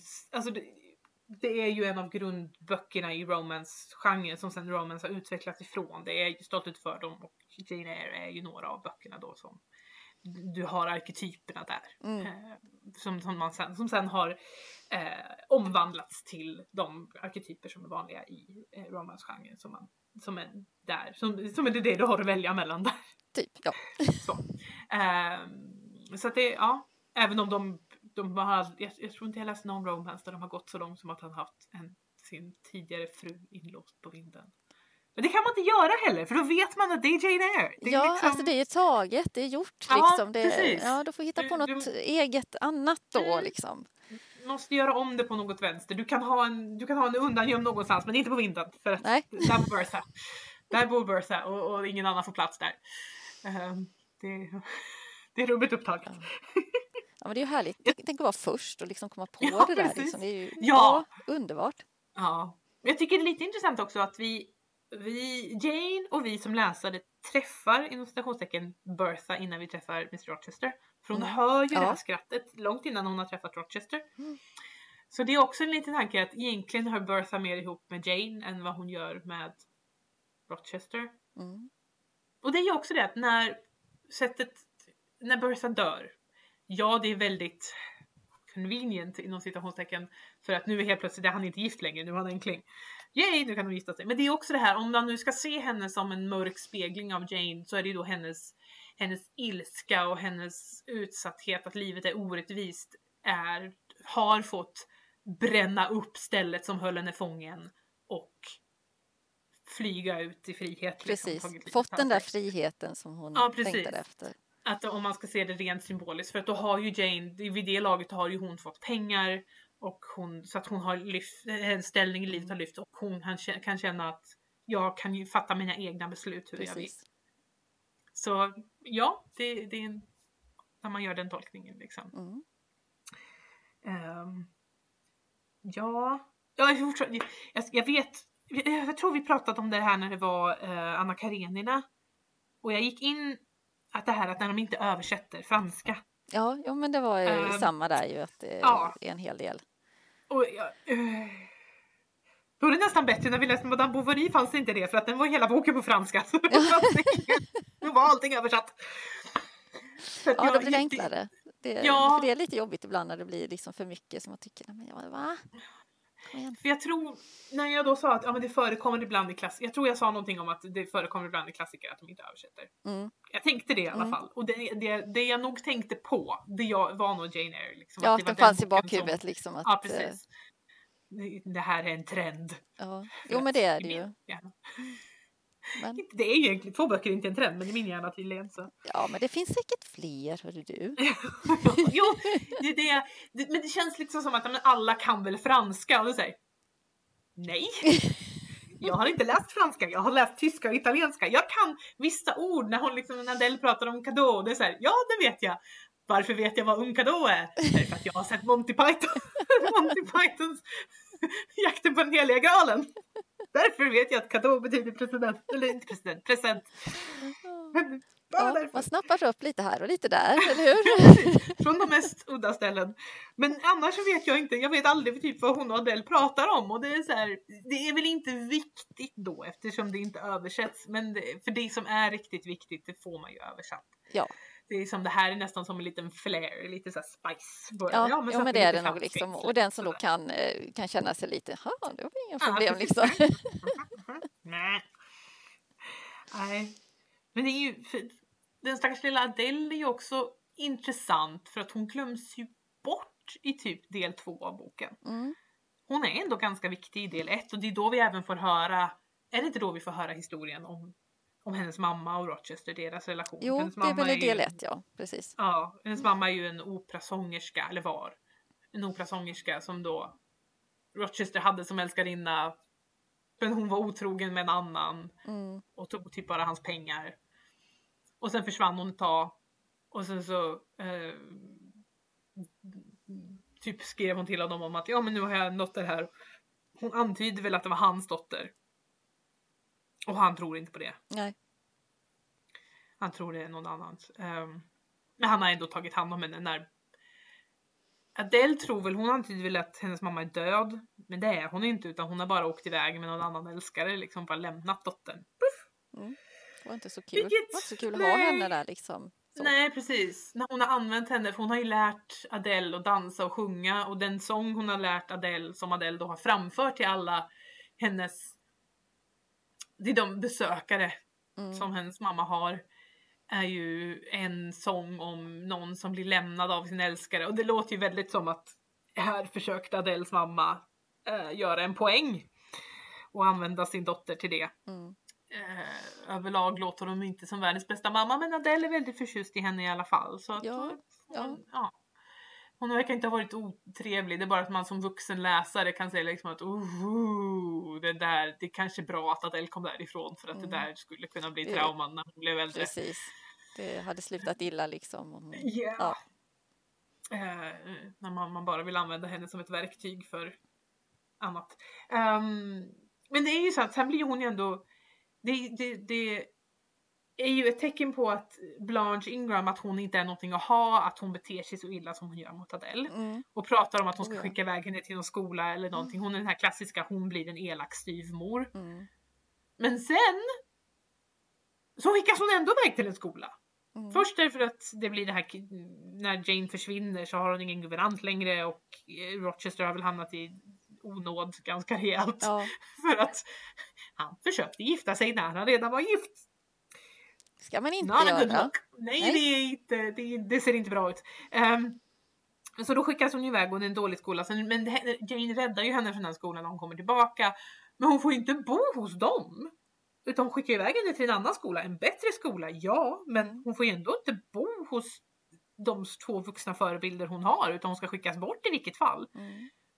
Jag som tycker det är fel. Å andra sidan, engelsmän har en tendens att göra det. Jag ska säga, det är väl, i- Alltså- ligger väl i tiden att det var så man gjorde. Liksom. Det, det enda som är då att visar att Jane ändå har liksom brytt sig om det är ju att hon plockar henne närmre och till en bättre Mm. skola så att de hälsar på henne eh, mer frekvent. Liksom så. Men annars är det nog ett, eh, det var så man gjorde. Jag tror det är så de gör idag också. Har Ja. du pengar skickar du ungarna på internat. Det, det liksom... Och så tycker man, har de inte läst de här böckerna, sett filmerna eller vad har de Nej. missat eller upplevt det själva eh, kanske då också. Men Alltså- ändå väljer man att göra det. Alltså jag är lite så här, jag, jag har inga egna barn. Men jag känner liksom att, ja jag förstår att det är, det är ett jobb att vara förälder. Det är liksom, det är ansträngande. Men ändå vill du inte vara delaktig i dina barns liv. Jo, det vill man. Ja!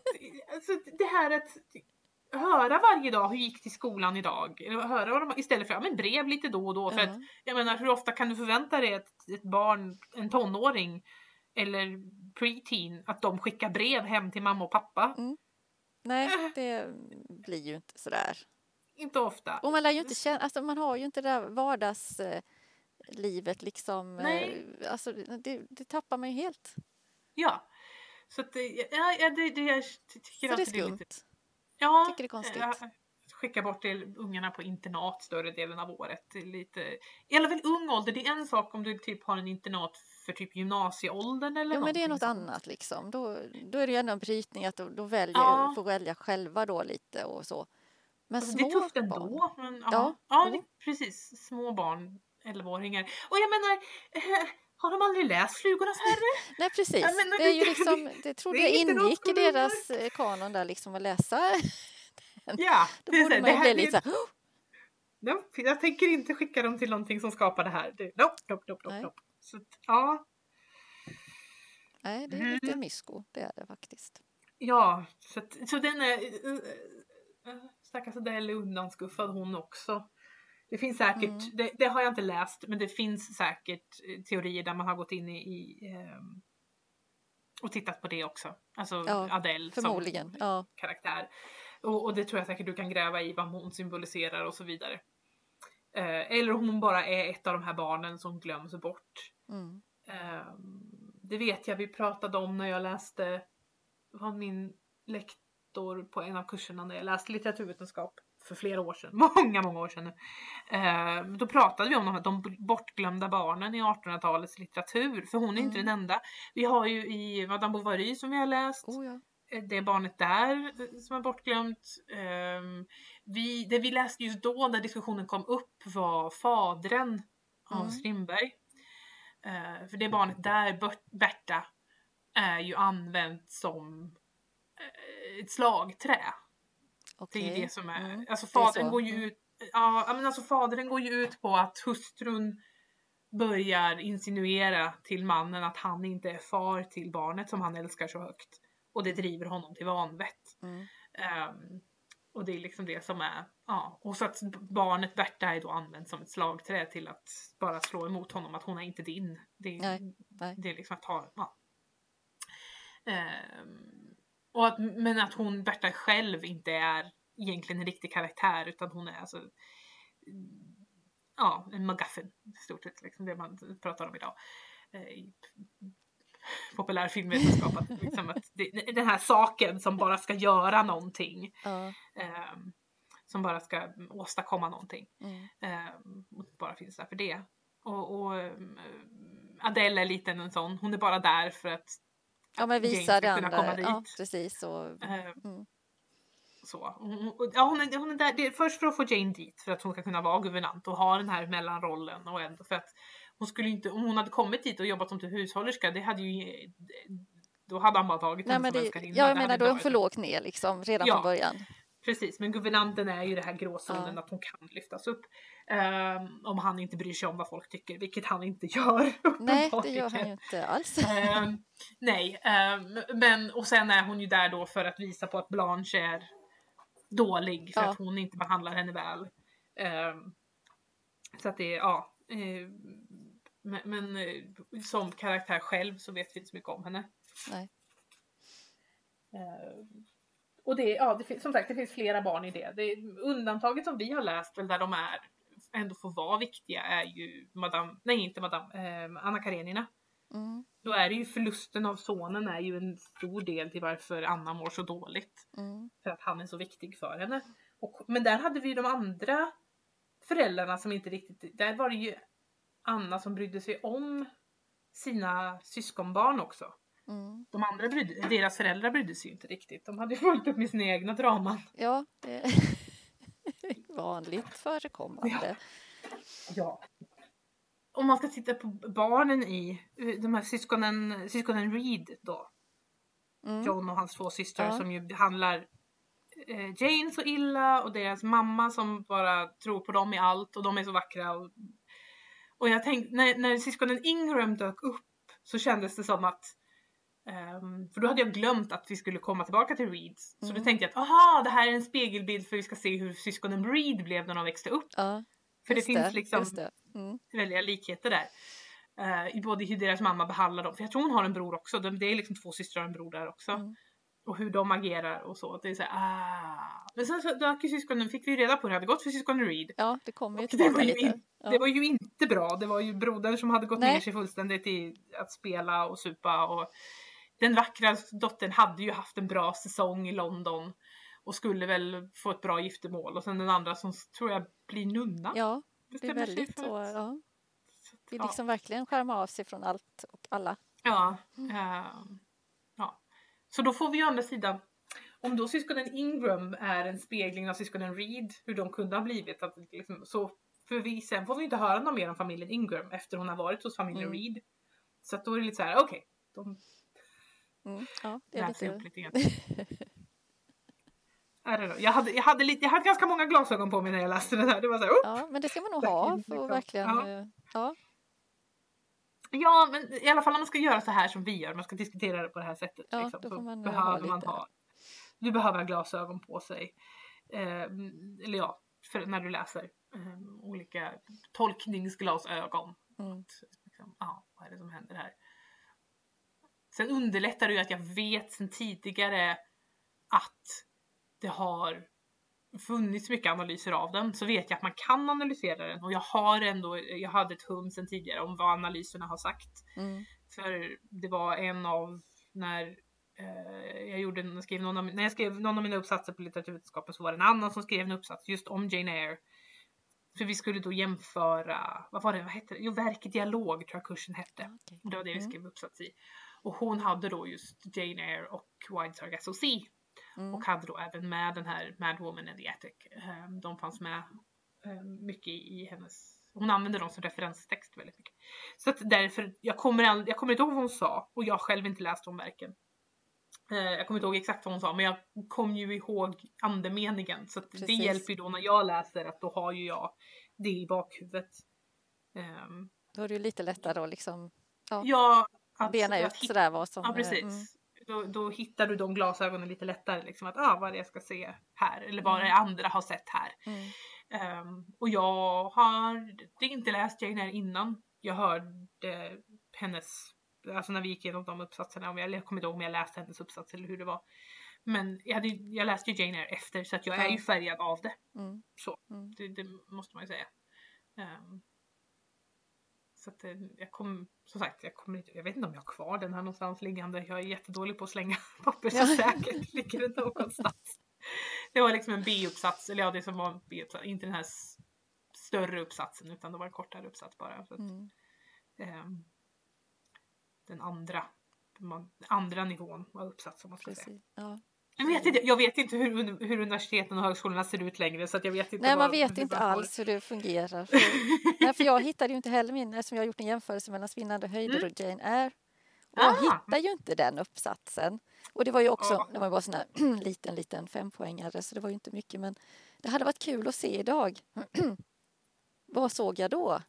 Såg ja. jag samma sak idag eller vad så? Men nej, det har jag inte hittat och jag kommer inte ihåg någonting. Mer än jag tyckte om böckerna. Ja. Och att det var jätteroligt att skriva den här uppsatsen. Mer än så kommer jag inte ihåg. Så att, eh, tyvärr, jag kan inte tillföra någonting. Nej. Där. Ja, det... Jag tycker det var roligt här också att den, även den här boken börjar som en spökhistoria. Mm. Precis som ja. Svindlande höjder. Jag tror det. de hade en, en de, det känns nästan som att syskonen hade en fäbless för spökhistorier. Ja, det liksom. tror jag. Det tror jag. Och de diskuterade ju mycket sina, liksom, när de skrev och sina världar och allting så här. Så det är klart att mm. det går lite hand i hand ibland om man så har det med sig. Mm. Jag tror de gillar det, ja. Ja. Helt klart. Ja. Sen alltså just familjen Bronte är ju en sån enormt tragisk historia. Det är För det. Vi har de här två äldsta syskonen som dör borta på internatskolan. Och sen åker ingen annan av de andra syskonen på internatskola. Jag undrar varför. Mm. Sen har vi den deras broder som eh, han är ju, alltså John Reed speglas ju lite grann. Ja. Eh, det speglar ju hans ja. att det här att han går ner sig i staden. Precis. Med kvinnor, vin och sång. Mm. Att han inte klarar av det. Jag tror inte det var alkohol där utan jag tror till och med att det var om det var jag vill säga opium. Men det, det, är också så här, det kan ha varit bara alkohol. Det, det, Eller en mix. Ja. Till och med. Att, ja. Eh, och sen har vi då de här andra, vi har Emily och Anne som dör innan de, de skriver de här verken och sen dör innan de mm. riktigt får uppleva det. Precis. Innan de riktigt har börjat leva. De skriver ett, eh, Emily skriver ett verk, Anne skriver väl två. Alltså romanverk, mm. sen har de skrivit dikter också ja. men liksom fulla verk innan de går bort. Sen har vi Charlotte som hinner skriva lite mer, hon hinner gifta sig. Mm. Men hon dör också Men det är inte lång ung. tid, nej. Det är inte nej, hon, är hon dör också väldigt ung. Och sen är, liksom, sen är det inga kvar. Nej. Hon det, var sist kvar. Det är liksom, sen... eh, pappan överlever dem allihop. Ja. Stackarn. Ja, det är mm. verkligen. När de ändå var så många, alltså de var mm. fem mm. då till att börja med. Och ändå liksom, ja det är tuffa tider. Mm. Jag tycker det är lite roligt för de, när, när systrarna publicerade sig under pseudonym så gjorde de ju det så under sin, sin pseudonymen Acton Currer och Alice Bell. Mm.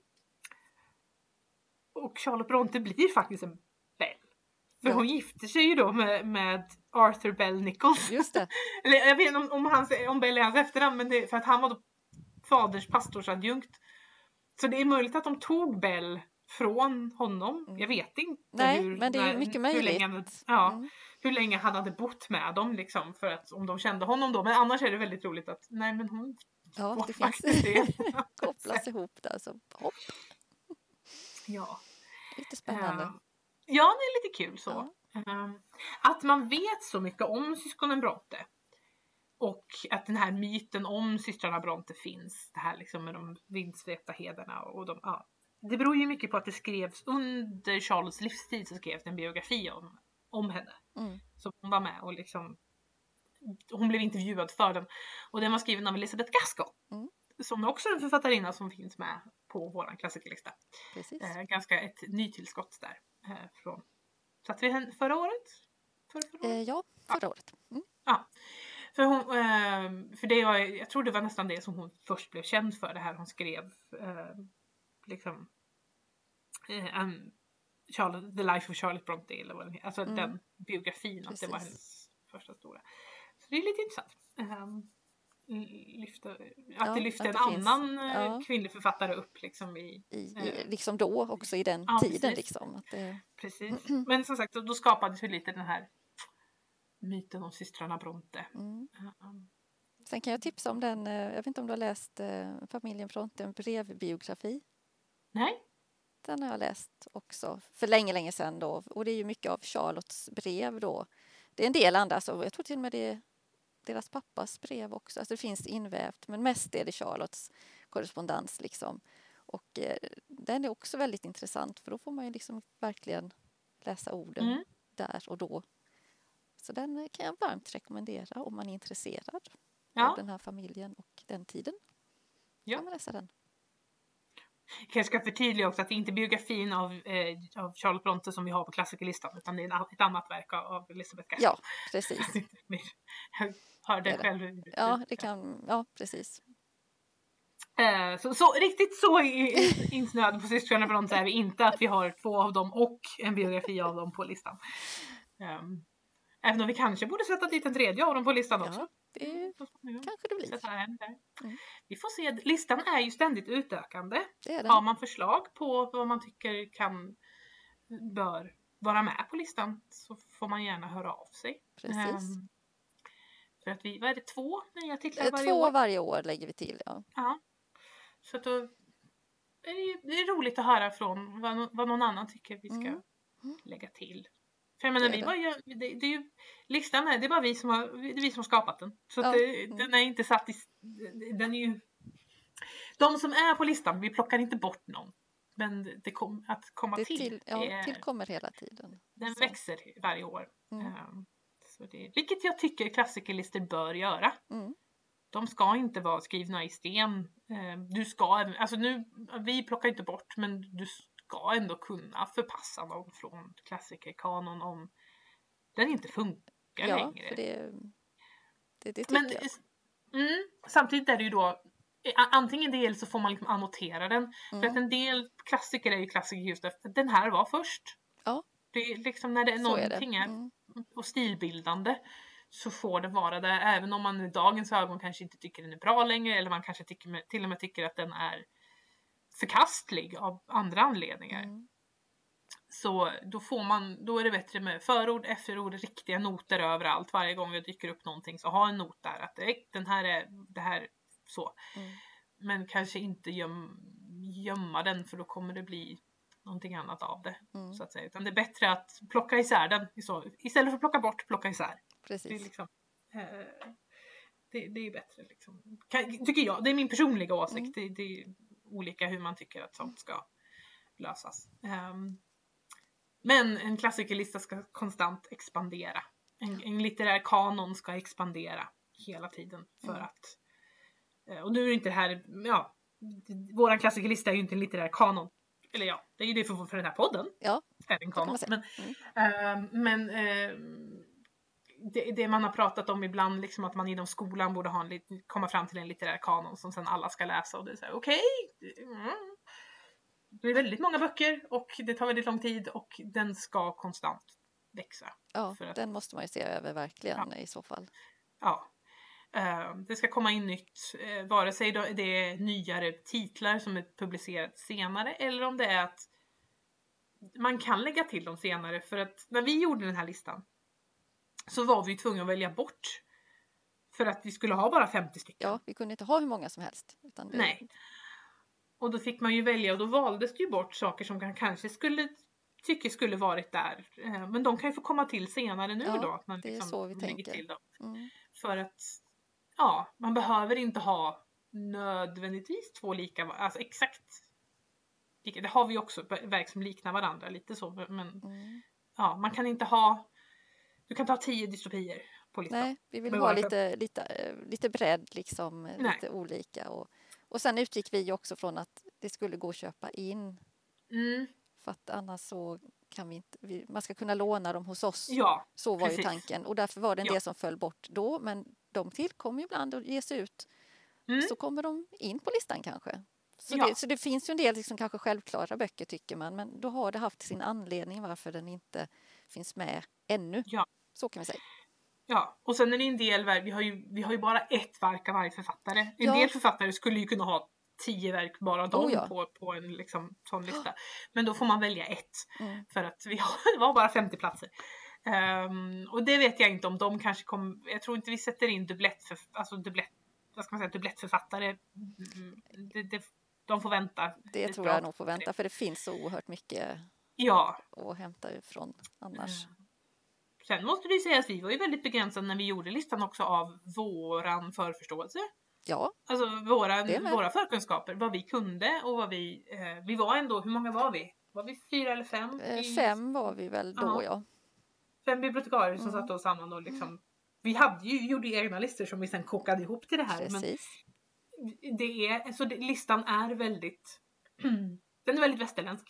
Mm. Det är den. Mm. Därför att det är den förkunskapen vi har. Det Så är det därför vi- är det ju också... Det vi kan och det vi Ja, hade liksom Mm. att jobba med. Så därför är det ju om någon annan har något förslag på en klassiker som inte är västerländsk så är det, vill vi ju väldigt gärna, Mm. ja det vill vi jättegärna ha in.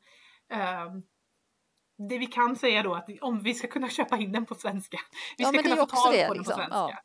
Och det är ju inte Som alltid lätt heller. Mm. Ja. Ehm, ibland finns de ju översatta på engelska men inte på svenska. Och, Nej, men här Eh, måste det vara finnas ja. på svenska. ja, för vi är ändå det ska vara tillgängligt för våra låntagare. Vi ska kunna tillgängliggöra de här verken för våra låntagare. Exakt. Sen är ju en del på klassikerlistan har väl gått ur produktion också så nu är de svåra att få tag på istället. När vi gjorde listan Ja, så gick de att få tag på. Men inte längre. Det händer ju också. Ehm. Men ja, nej men så det, det är lite om man, om man tittar på listan och undrar varför den ser ut som den gör så är det därför att ja, den är, det, är ett urval. Det är ett, ja, precis, det är ett urval men det, och samtidigt det är en process som fortfarande pågår. Mm. Så har man förslag så jätte, de jättegärna höra av sig med dem. Ehm, så att vi, vi kan föra in dem Mm. på listan så att säga. Ehm, kommer de inte in ett år så kanske de kommer in nästa år. Det- Precis. Ja. Vi liksom noterar dem och sen så får Mm. man liksom sålla lite där och se vad det blir. ja, precis. Mm. För återigen, vi ska kunna få tag på dem. Eh, det, det stämmer fortfarande. Och Mm. Inte dubbletter av samma författare, alltså inte Nej. flera verk av samma författare. Även om man kan tycka att jag tycker bättre om det här verket än det här verket. Av det. Oh ja, det, Så fick vi kanske välja det mest kända. Eller det vi mest pratade om då. Så tror Ja. jag det var när vi valde Shakespeare. ja och jag kanske inte bara mastodontverk som är jättetjocka Ja, utan att, att det finns också. en del lite smalare eller Ja, tunnare böcker. ja, och sen just det här försöka få lite blandning på listan. För att jag menar, eh, i Shakespeare tog vi en komedi. Vi hade, skulle kunna ha tagit någon Ja. av tragedierna. Oh, men vi hade så mycket tragiska böcker på listan. Så Det finns väldigt mycket tungt. Ja. Så då valde vi en, en, en komedi där då och eh, jag tror att jag var... Det, var, det, är, det är mitt favoritverk av, av Shakespeare som vi har på listan så att det, det jag kanske får ta på mig att jag tryckte på den hårt. Men det är också det här att vi, vi försöker hitta lite, lite roligare böcker. Inte, inte bara tragiska böcker om man ska säga så Nej, istället. utan Inte bara, inte bara tragik. också. För att det är oftast det som överlever i klassiker för att humor är så väldigt, kan vara så väldigt tidsbunden. Mm, Eh, det är sant. vad som var roligt för bara tio år sedan är inte roligt idag. Nej, Det, det kan gå väldigt fort det kan eh, när någonting helt plötsligt inte är roligt alls. Eh, och en del håller hur länge som helst. Ja, Det är även bland humor. Det är, så. Um, Okej, det, var ett- det var ett väldigt långt utstick. långt, ja, men det behövs ibland. Ja. Våra ehm, små uh, kuldesax när man går, in och sen, oj då. Ehm, men vi tyckte båda om den här boken, det är väl det Ja. vi ska... Kan vi rekommendera den? Ja, Ja, ja, det tycker jag också. Det här är en bok som verkligen så här, jag tycker inte man behöver sätta några så här brasklappar att ja, men var beredd. Utan nej, du, du kan bara läsa den rakt av. Mm. Det och, eh, funkar. Du kan, sätta den i, du kan sätta den i händerna på en gymnasieelev. Eller en jag, min kompis, jag hade en kompis som läste den i högstadiet och tyckte den var jättebra. Mm. Så att det, du kan sätta det i högstadieelever också. Kanske inte de som, som hatar att läsa när de går på högstadiet. nej, utan det får ju vara de som faktiskt kanske har Mm. drivet och liksom kommit igång Precis. och vill. För det är ändå, den är tjock och många Mm. blir avskräckta av att den är tjock. Men den är inte tung. Nej, som en del andra tjocka böcker är. Den är inte, den, den går fort att läsa ändå. Det är ett väldigt flödigt språk. Det är en intressant handling även om det är mycket in, alltså introspekt.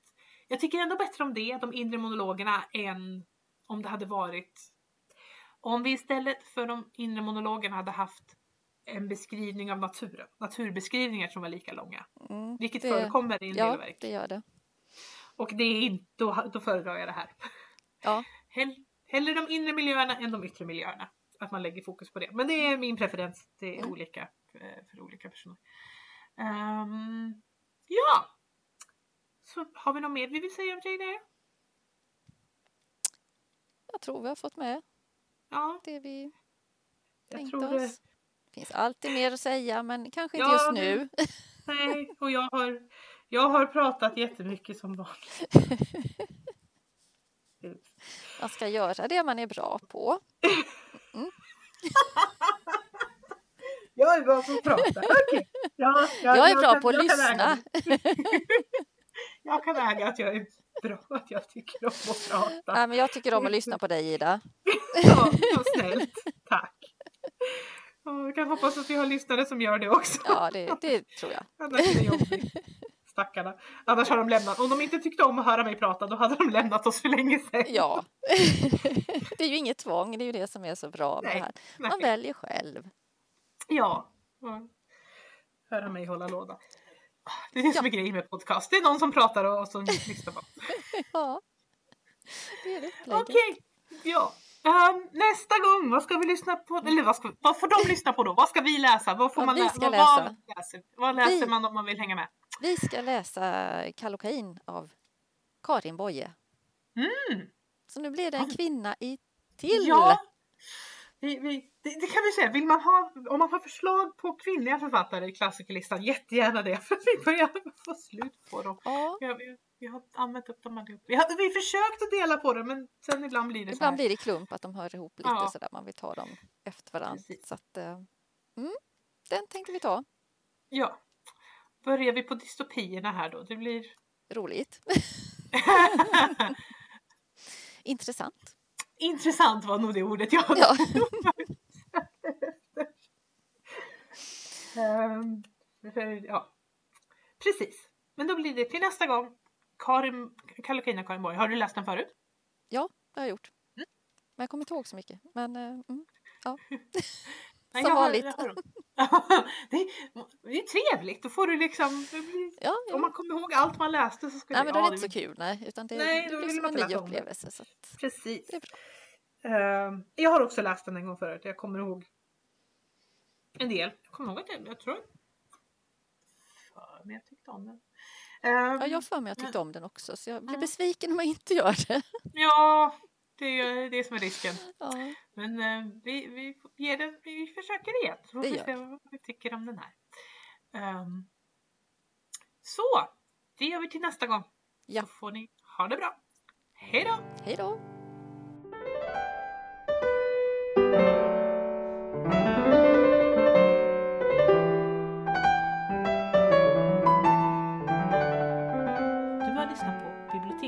Biblioteksklassikern med mig Ida Andersson och med Maria Hassel. En podcast från Gislaveds bibliotek.